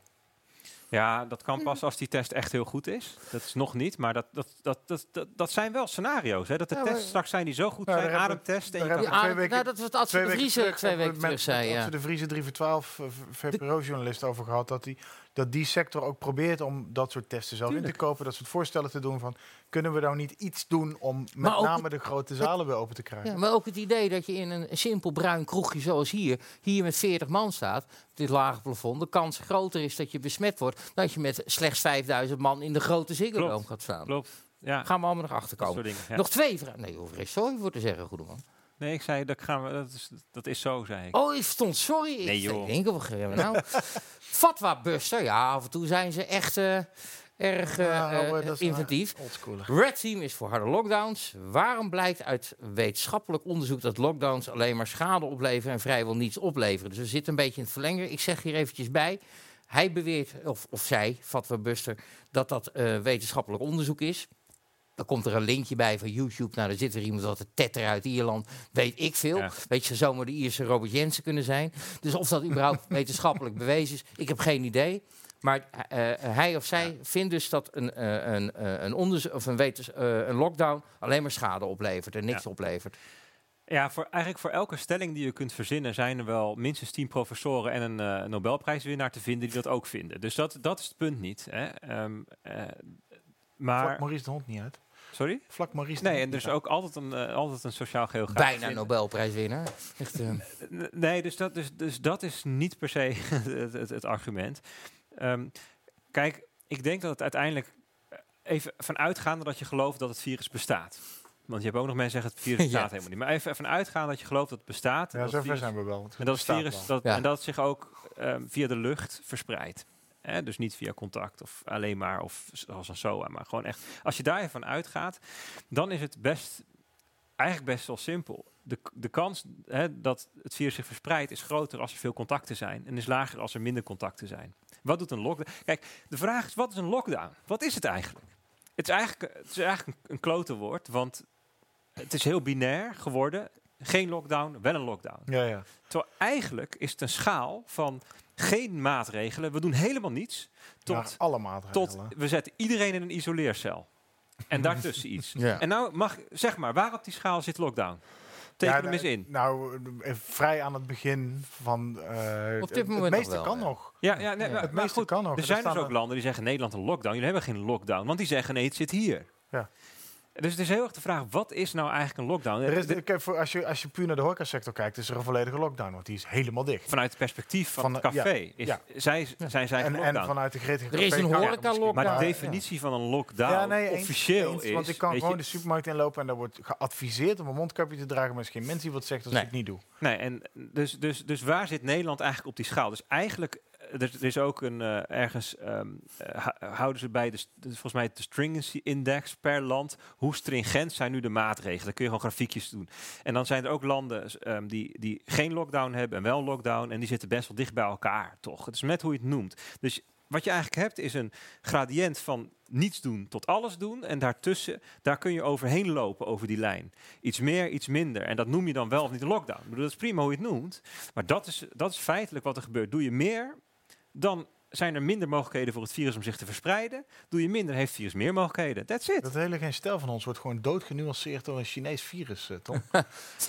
Nee, nee, nee, nee, maar goed, dus werkt een lockdown? Ja, eh, eh, meer maatregelen nemen zorgt ervoor dat het virus zich niet kan verspreiden. En de kunst is natuurlijk om, die op de maatregelen te nemen. doen waar het nut en effect heeft. En dat en, zien we nu. dus, maar om de maatregelen te nemen die veel bijdragen en die weinig kosten. kom ik toch weer even, even terug op mijn, mijn politieke blik hierop. Vorige week lazen we dat er zelfs binnen het kabinet een beetje onmin begon te ontstaan over wat er nou nog wel en niet extra gedaan moest worden, want het gaat niet snel genoeg. Ja. Dus wordt er gezegd, nou dan ook de theaters en de musea dicht, terwijl weer andere leden van het kabinet of, of deelnemers aan het kabinet zeggen, Ja. ja. ja nee dat heeft geen zin, eh, je moet iets anders bedenken. En dan wordt er weer een avondklok idee gefloot en dan zeggen mensen nee oprotten, want de, de burger zegt in vrij luide stem, althans op internet, van ja dat gaan we echt niet doen. Ja. Dus dan, dan verdwijnt zo'n idee ook langzaam weer ergens. Er waren maar drie partijen voor, te weten VVD, CDA en... Nou, in ieder geval, er was een meerderheid tegen een avondklok. Gelukkig, ja. Over feiten goed op orde. Maar dus dat, eh, dat er dus binnen, die, binnen, de, de- binnen de nuance afstemmers van die lockdown Ja. ook al een beetje onmin ontstaat. En dat er dus ook politieke afwegingen gemaakt blijven worden. Ja, en, en, en, en, en het kloterige is nu, wij zitten nu in een gebied dat alles wat je nu nog kunt doen om het effectiever te maken, doet heel veel pijn. Dat is het kutte. Dus het is nu het ene pijn tegen het andere afwegen. Want we doen nu ook we doen nu de meest kleine ellendige dingen voor museums en dierenparken. Allemaal maar om te voorkomen dat we de scholen dicht doen. Want dat willen we echt niet, weet je wel. Maar alles doet pijn. Het een doet pijn. En dan moet de uitgestelde klap van de economie nog komen waarschijnlijk. ja, dat is nog, een- dat moeten we nog een aflevering over doen. dat doen we de volgende Nee, keer. want- Nee, maar kijk, dus het mooiste is als je maatregelen kunt nemen die veel helpen, maar weinig kosten. Ik heb dat zelf in juni of zo of mei heb ik dat asymmetrische maatregelen genoemd. Dus, dus, dus het is niet symmetrisch. Je, je hebt maatregelen die kosten veel en leveren ook veel op. Kosten bedoel ik geld, maar Mhm. ook gedoe en Mhm. pijn en ellende. Inspanningen en ja. Dat zijn de maatregelen die je niet wil nemen. Lockdown zit in die categorie. Hè? Lockdown is kut, kost veel, doet pijn, maar het helpt ook. Dus zeker als je hem streng doet, dan ben je er ook zo doorheen. Maar dat kost ook onwijs veel van mensen enzovoort. Het liefste neem je maatregelen die, weet je, ja, niet handen schudden is vervelend. Maar als dat nou heel veel zou werken, weet je, dan doe je dat gewoon even niet. Dan is handen schudden misschien niet het briljantste Nee, maar maar, goed, maar nou, neem ventileren. Stel nou ventileren, dat draagt behoorlijk bij. Doe je dat, doen we dat toch? Ja, nee, eens. Weet je, dus dat zijn voorbeelden van maatregelen. heel veel sneltesten. Ja, wat kost dat nou? Wat kost een sneltest? 5 euro inkoop. En het wordt alleen maar minder. Het kost minder dan een eh, hele economie. Ja, dus, dus dat zijn, dat zijn het soort bronnencontactonderzoek. Dat is best wel goedkoop voor wat je daarmee Ja? Hè, maar, Ja, ja. maar omdat we dat nu kwijt zijn, moeten we dat dus vervangen door allerlei kutmaatregelen. Snap je? Daarom zou ik graag. En dus, nou, dan kom ik even terug op die Viaduct podcast, waarin jij dus al, of in ieder geval op eind september, toen jij al aangaf van nou, eh, ik zie hier, als, ik, als wij naar de cijfers kijken als Red Team zijnde, of jij als, als Bert Slachter zijnde, dan zien we aankomen dat het over een paar weken zitten we midden Ja. in de shit als je nu niet iets doet. Klopt. Dus jij zegt eigenlijk, als ze toen wel sneller geluisterd hadden, als Gommers en Van Dissel ook niet, of nee, Gommers en Kuipers niet aan het begin van september zo ontspannen gedaan hadden van nou, het valt Ja. allemaal mee, dan had je dus nu in een situatie kunnen zitten waarin er wel goed bron- en contactonderzoek gedaan zou zijn, Zeker. terwijl de kroegen nog open waren. Of Ja, in ieder dus als geval... je op 22 september had ingegrepen, dan was je 22 oktober was je weer op het niveau van juli. 22 gezeten. juli. En dan, dan hadden we. en die kans hebben ze laten lopen. Ja, wat we hadden kunnen doen is het kunnen synchroniseren met de herfstvakantie. Dus iedereen twee weken herfstvakantie geven. En dan had je ook twee weken scholen dicht. Waarom, wordt, de- waarom wordt de politiek daar niet op afgerekend? Heb je daarin... Ik, ik, weet dat je- Ik weet dat er ook in de politiek mensen hiervoor waren. Maar ja, weet je, dat is gewoon, misschien was de termijn ook te kort. Ja, de- natuurlijk al sinds 20 We- juli. Je, je kent in de, in de politiek bestaat het rally round the flag effect. Als er ergens een grote crisis is, dan zegt het volk: Oké, wij hebben jou gekozen, los jij het maar op. Ja. En dan gaan ze ook bijna kritiekloos, unaniem, ook weer vrij zwart-wit achter de leider staan. Tot een bepaald moment. Er komt een moment dat het rally effect Ja. afneemt of verdwijnt. dat je persoonlijk gaat raken. En je gaat merken, en denk, Ja, oh, dit is bij- me te bij veel geworden. duurt dat nu al vrij lang. Terwijl als je het, het verhaal een beetje volgt, dan zie je dus bijvoorbeeld met dit dat ze eigenlijk wat stevige fouten, vergissingen, laten we het vergissingen noemen, om het, om het, om het in het nuance spectrum te houden, gemaakt hebben. Waar ze ook electoraal in de peiling op afgerekend zouden moeten worden of Nou hadden ja. moeten Ja, worden. dat en gaan dat we- zie dat je gaan nog meemaken. gebeuren. Ja, op dit moment staan ze er goed voor. Ja, Ja. goed. Peilingen. We gaan naar de laatste reaguurdersvraag. Van Loops Brother of Loops Brother, Loops denk ik dat ik moet uitbrengen. Jij kent hem eh, gewoon weer? Echt, eh? Nee, maar het, het, het, het denk brother het, is. Engels, Ja, het is al ik denk loops het ook Ik zou niet weten. Bert Slachter is geen wiskundige, maar een gesjeesde computer science student. Zegt er nog net niet nerd bij. Zelfs Hugo de Schoenen heeft meer afgemaakt. Het zou mooi zijn als jullie in de podcast aan hem kunnen vragen waar hij denk, waarom hij denkt competent genoeg te zijn überhaupt iets te modelleren. Oh, dat ben ik Vond ook ik leuk eindig, Ik, eh, eh, ik, ik ben de Je doet me wat. ik, ben, ik ben de notulist van het Red Team, joh. Ik, eh, Wat zei je? ik ben de notulist van het Red Team. ja, ja, jij- Weet ik veel. Ik geef de bloemetjes water. Jij doet hun bitcoins om, om ze boven water te houden. Ja, precies. nee, maar dat klopt. Ik heb mijn... eh, Maar waarom vind je jezelf wel competent genoeg om hier aan bij te dragen? vind ik wat- dat? Nou, dan zou je niet naar buiten treden. Dan zou je hier niet zitten. Dat is de assumptie. Nou ja, om wat te doen? Om Ja, weer? are the mother Wat? of all fuck-ups. Nee, wat was, Waar- wat was de waarom vraag? denkt hij competent genoeg te zijn om überhaupt iets te modelleren? Om überhaupt te modelleren. Ah, nee, maar dat, eh, dat doe ik al ehm 20 jaar, denk ik. eh, dingen modelleren. Dat is, dat, is, dat is mijn werk, dat is mijn vak. Dus jouw vak? Ja? Dingen modelleren, ja. Maar waar- hoezo? waarom- maar hoe oud Leg hem eens even uit aan Loops Brother waarom jou dat, dat, dat vak, jou dat vak, zo. Vak, Bij, vak. we zijn er bijna. Dat jouw vak is. Ja, nou, want ik heb... eh, een Snickers nodig, Tom. Ja, ik heb wel mijn pomp uitgetrokken, maar Kijk, ik ben v- gestopt met, eh, met de studie omdat ik toen een... eh, we zouden dat nu een tech-startup... ehm Mhm. ehm, dat heette toen nog gewoon een onderneming. eenmanszaak. Ja. Ja. Nou, we waren wel met, meteen met z'n zessen. Maar ik ben begonnen en daar heb ik, dat heb ik afgelopen twintig jaar opgebouwd. En daar veel in geprogrammeerd en gemodelleerd. En met grote hoeveelheden data gewerkt. En dat soort dingen gedaan. Dus nee, Ja, maar met, da- met data werken, dat is... eh, Nee, maar dat is toch een, een, een Ja. keurig antwoord op Ja. de vraag die, eh, die Op een- op Loops een heftige Brother vraag. stelt. Goed, Ja. moet je opletten wat er nu gebeurt. Bart, heb je nog wat te vragen? En nee Ja, is ik ook een wilde, ik antwoord. wilde, ik wilde. ik, nee, ik hou hem echt kort deze keer. Ik had nog één vraag. Ik- hoe oud ben jij? Ik weet het. je weet het. Nee, ik niet. Daarom- 38. 38. ook. Hoe oud ben jij? 39. Weet je hoe oud ik ben? Ja. 43. Interesseert iemand wat? Of... Waarom, Nou ja, nee, waarom Maar leg je even uit waar je wil Oh, ik kon het niet inschatten. Je ziet er jonger uit, maar je klinkt ouder. Ah, En, is dat positief? ik weet het niet. Ja. Ik heb, ik heb wel nog één vraag.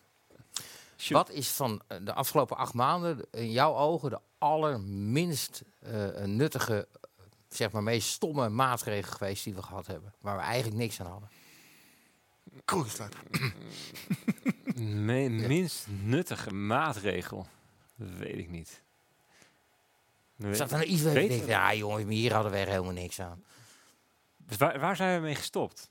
Omdat we het Ja, met heel collectief, met, omdat we collectief met elkaar wereldwijd hebben besloten, dit zet geen... Zo de Je gaf al een paar keer aan in het gesprek van het ene regel is volgens, al, mij, altijd volgens mij die anderhalve meter in de buitenlucht is een beetje Ja, stilletjes verdwenen. Klopt. Ik denk Dat, eh, anderhalve meter in de buitenlucht. Dat, en, Want in het begin was iedereen heel erg die foto's op het strand van, oh, daar lopen er drie bij elkaar. En dat hoor je nu eigenlijk niet meer. Mensen Ja, van, ja, dat, daar zit het probleem niet. dus mondkapjes in de buitenlucht, denk ik dat niet zo nuttig is. Denk, ik denk dat... ik moet nog steeds iedere keer grinniken Maar als ik iemand zie fietsen met zo'n ding op. denk ik, echt, echt kom ja, aan. inderdaad. Die gaat dan over Op de fiets, op. denk ik dan. Nee, weet maar- je? Nee, maar kijk, weet je, ik vind, ik vind, kijk, ik denk dat als je in de, in de kijk, we zijn met elkaar aan het ontdekken wat wel en niet.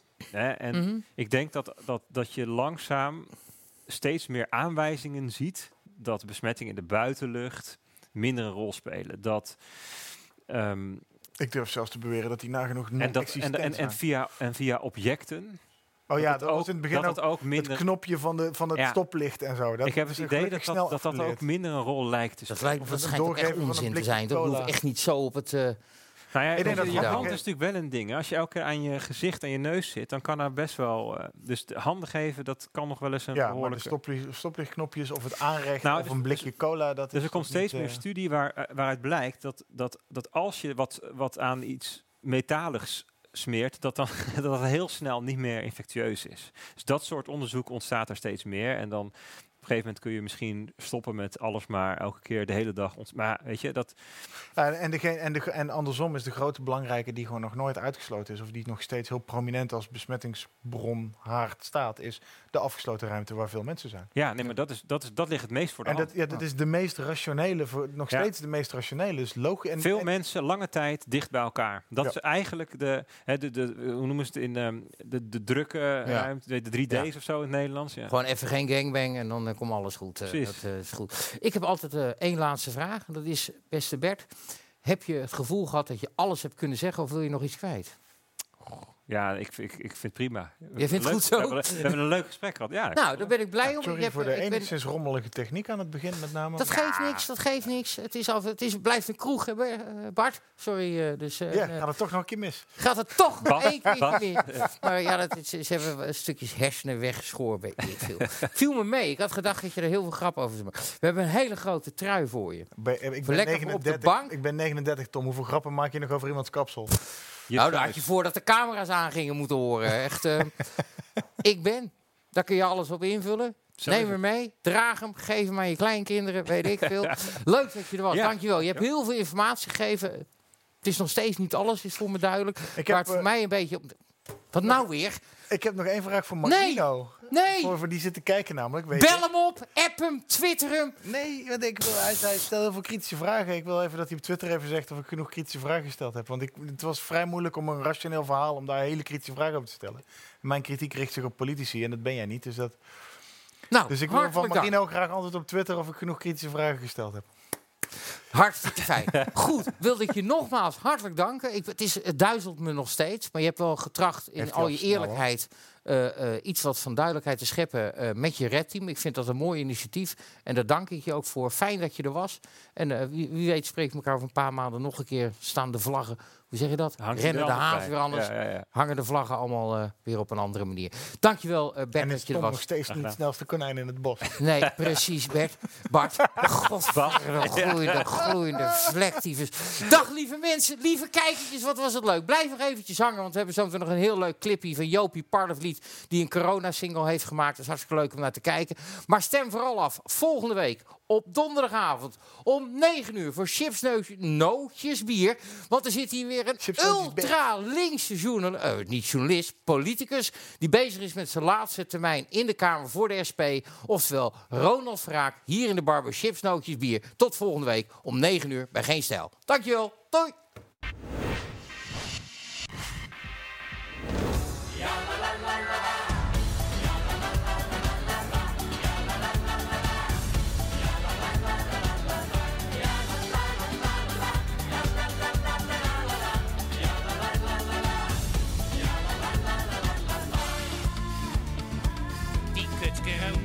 Zo moe.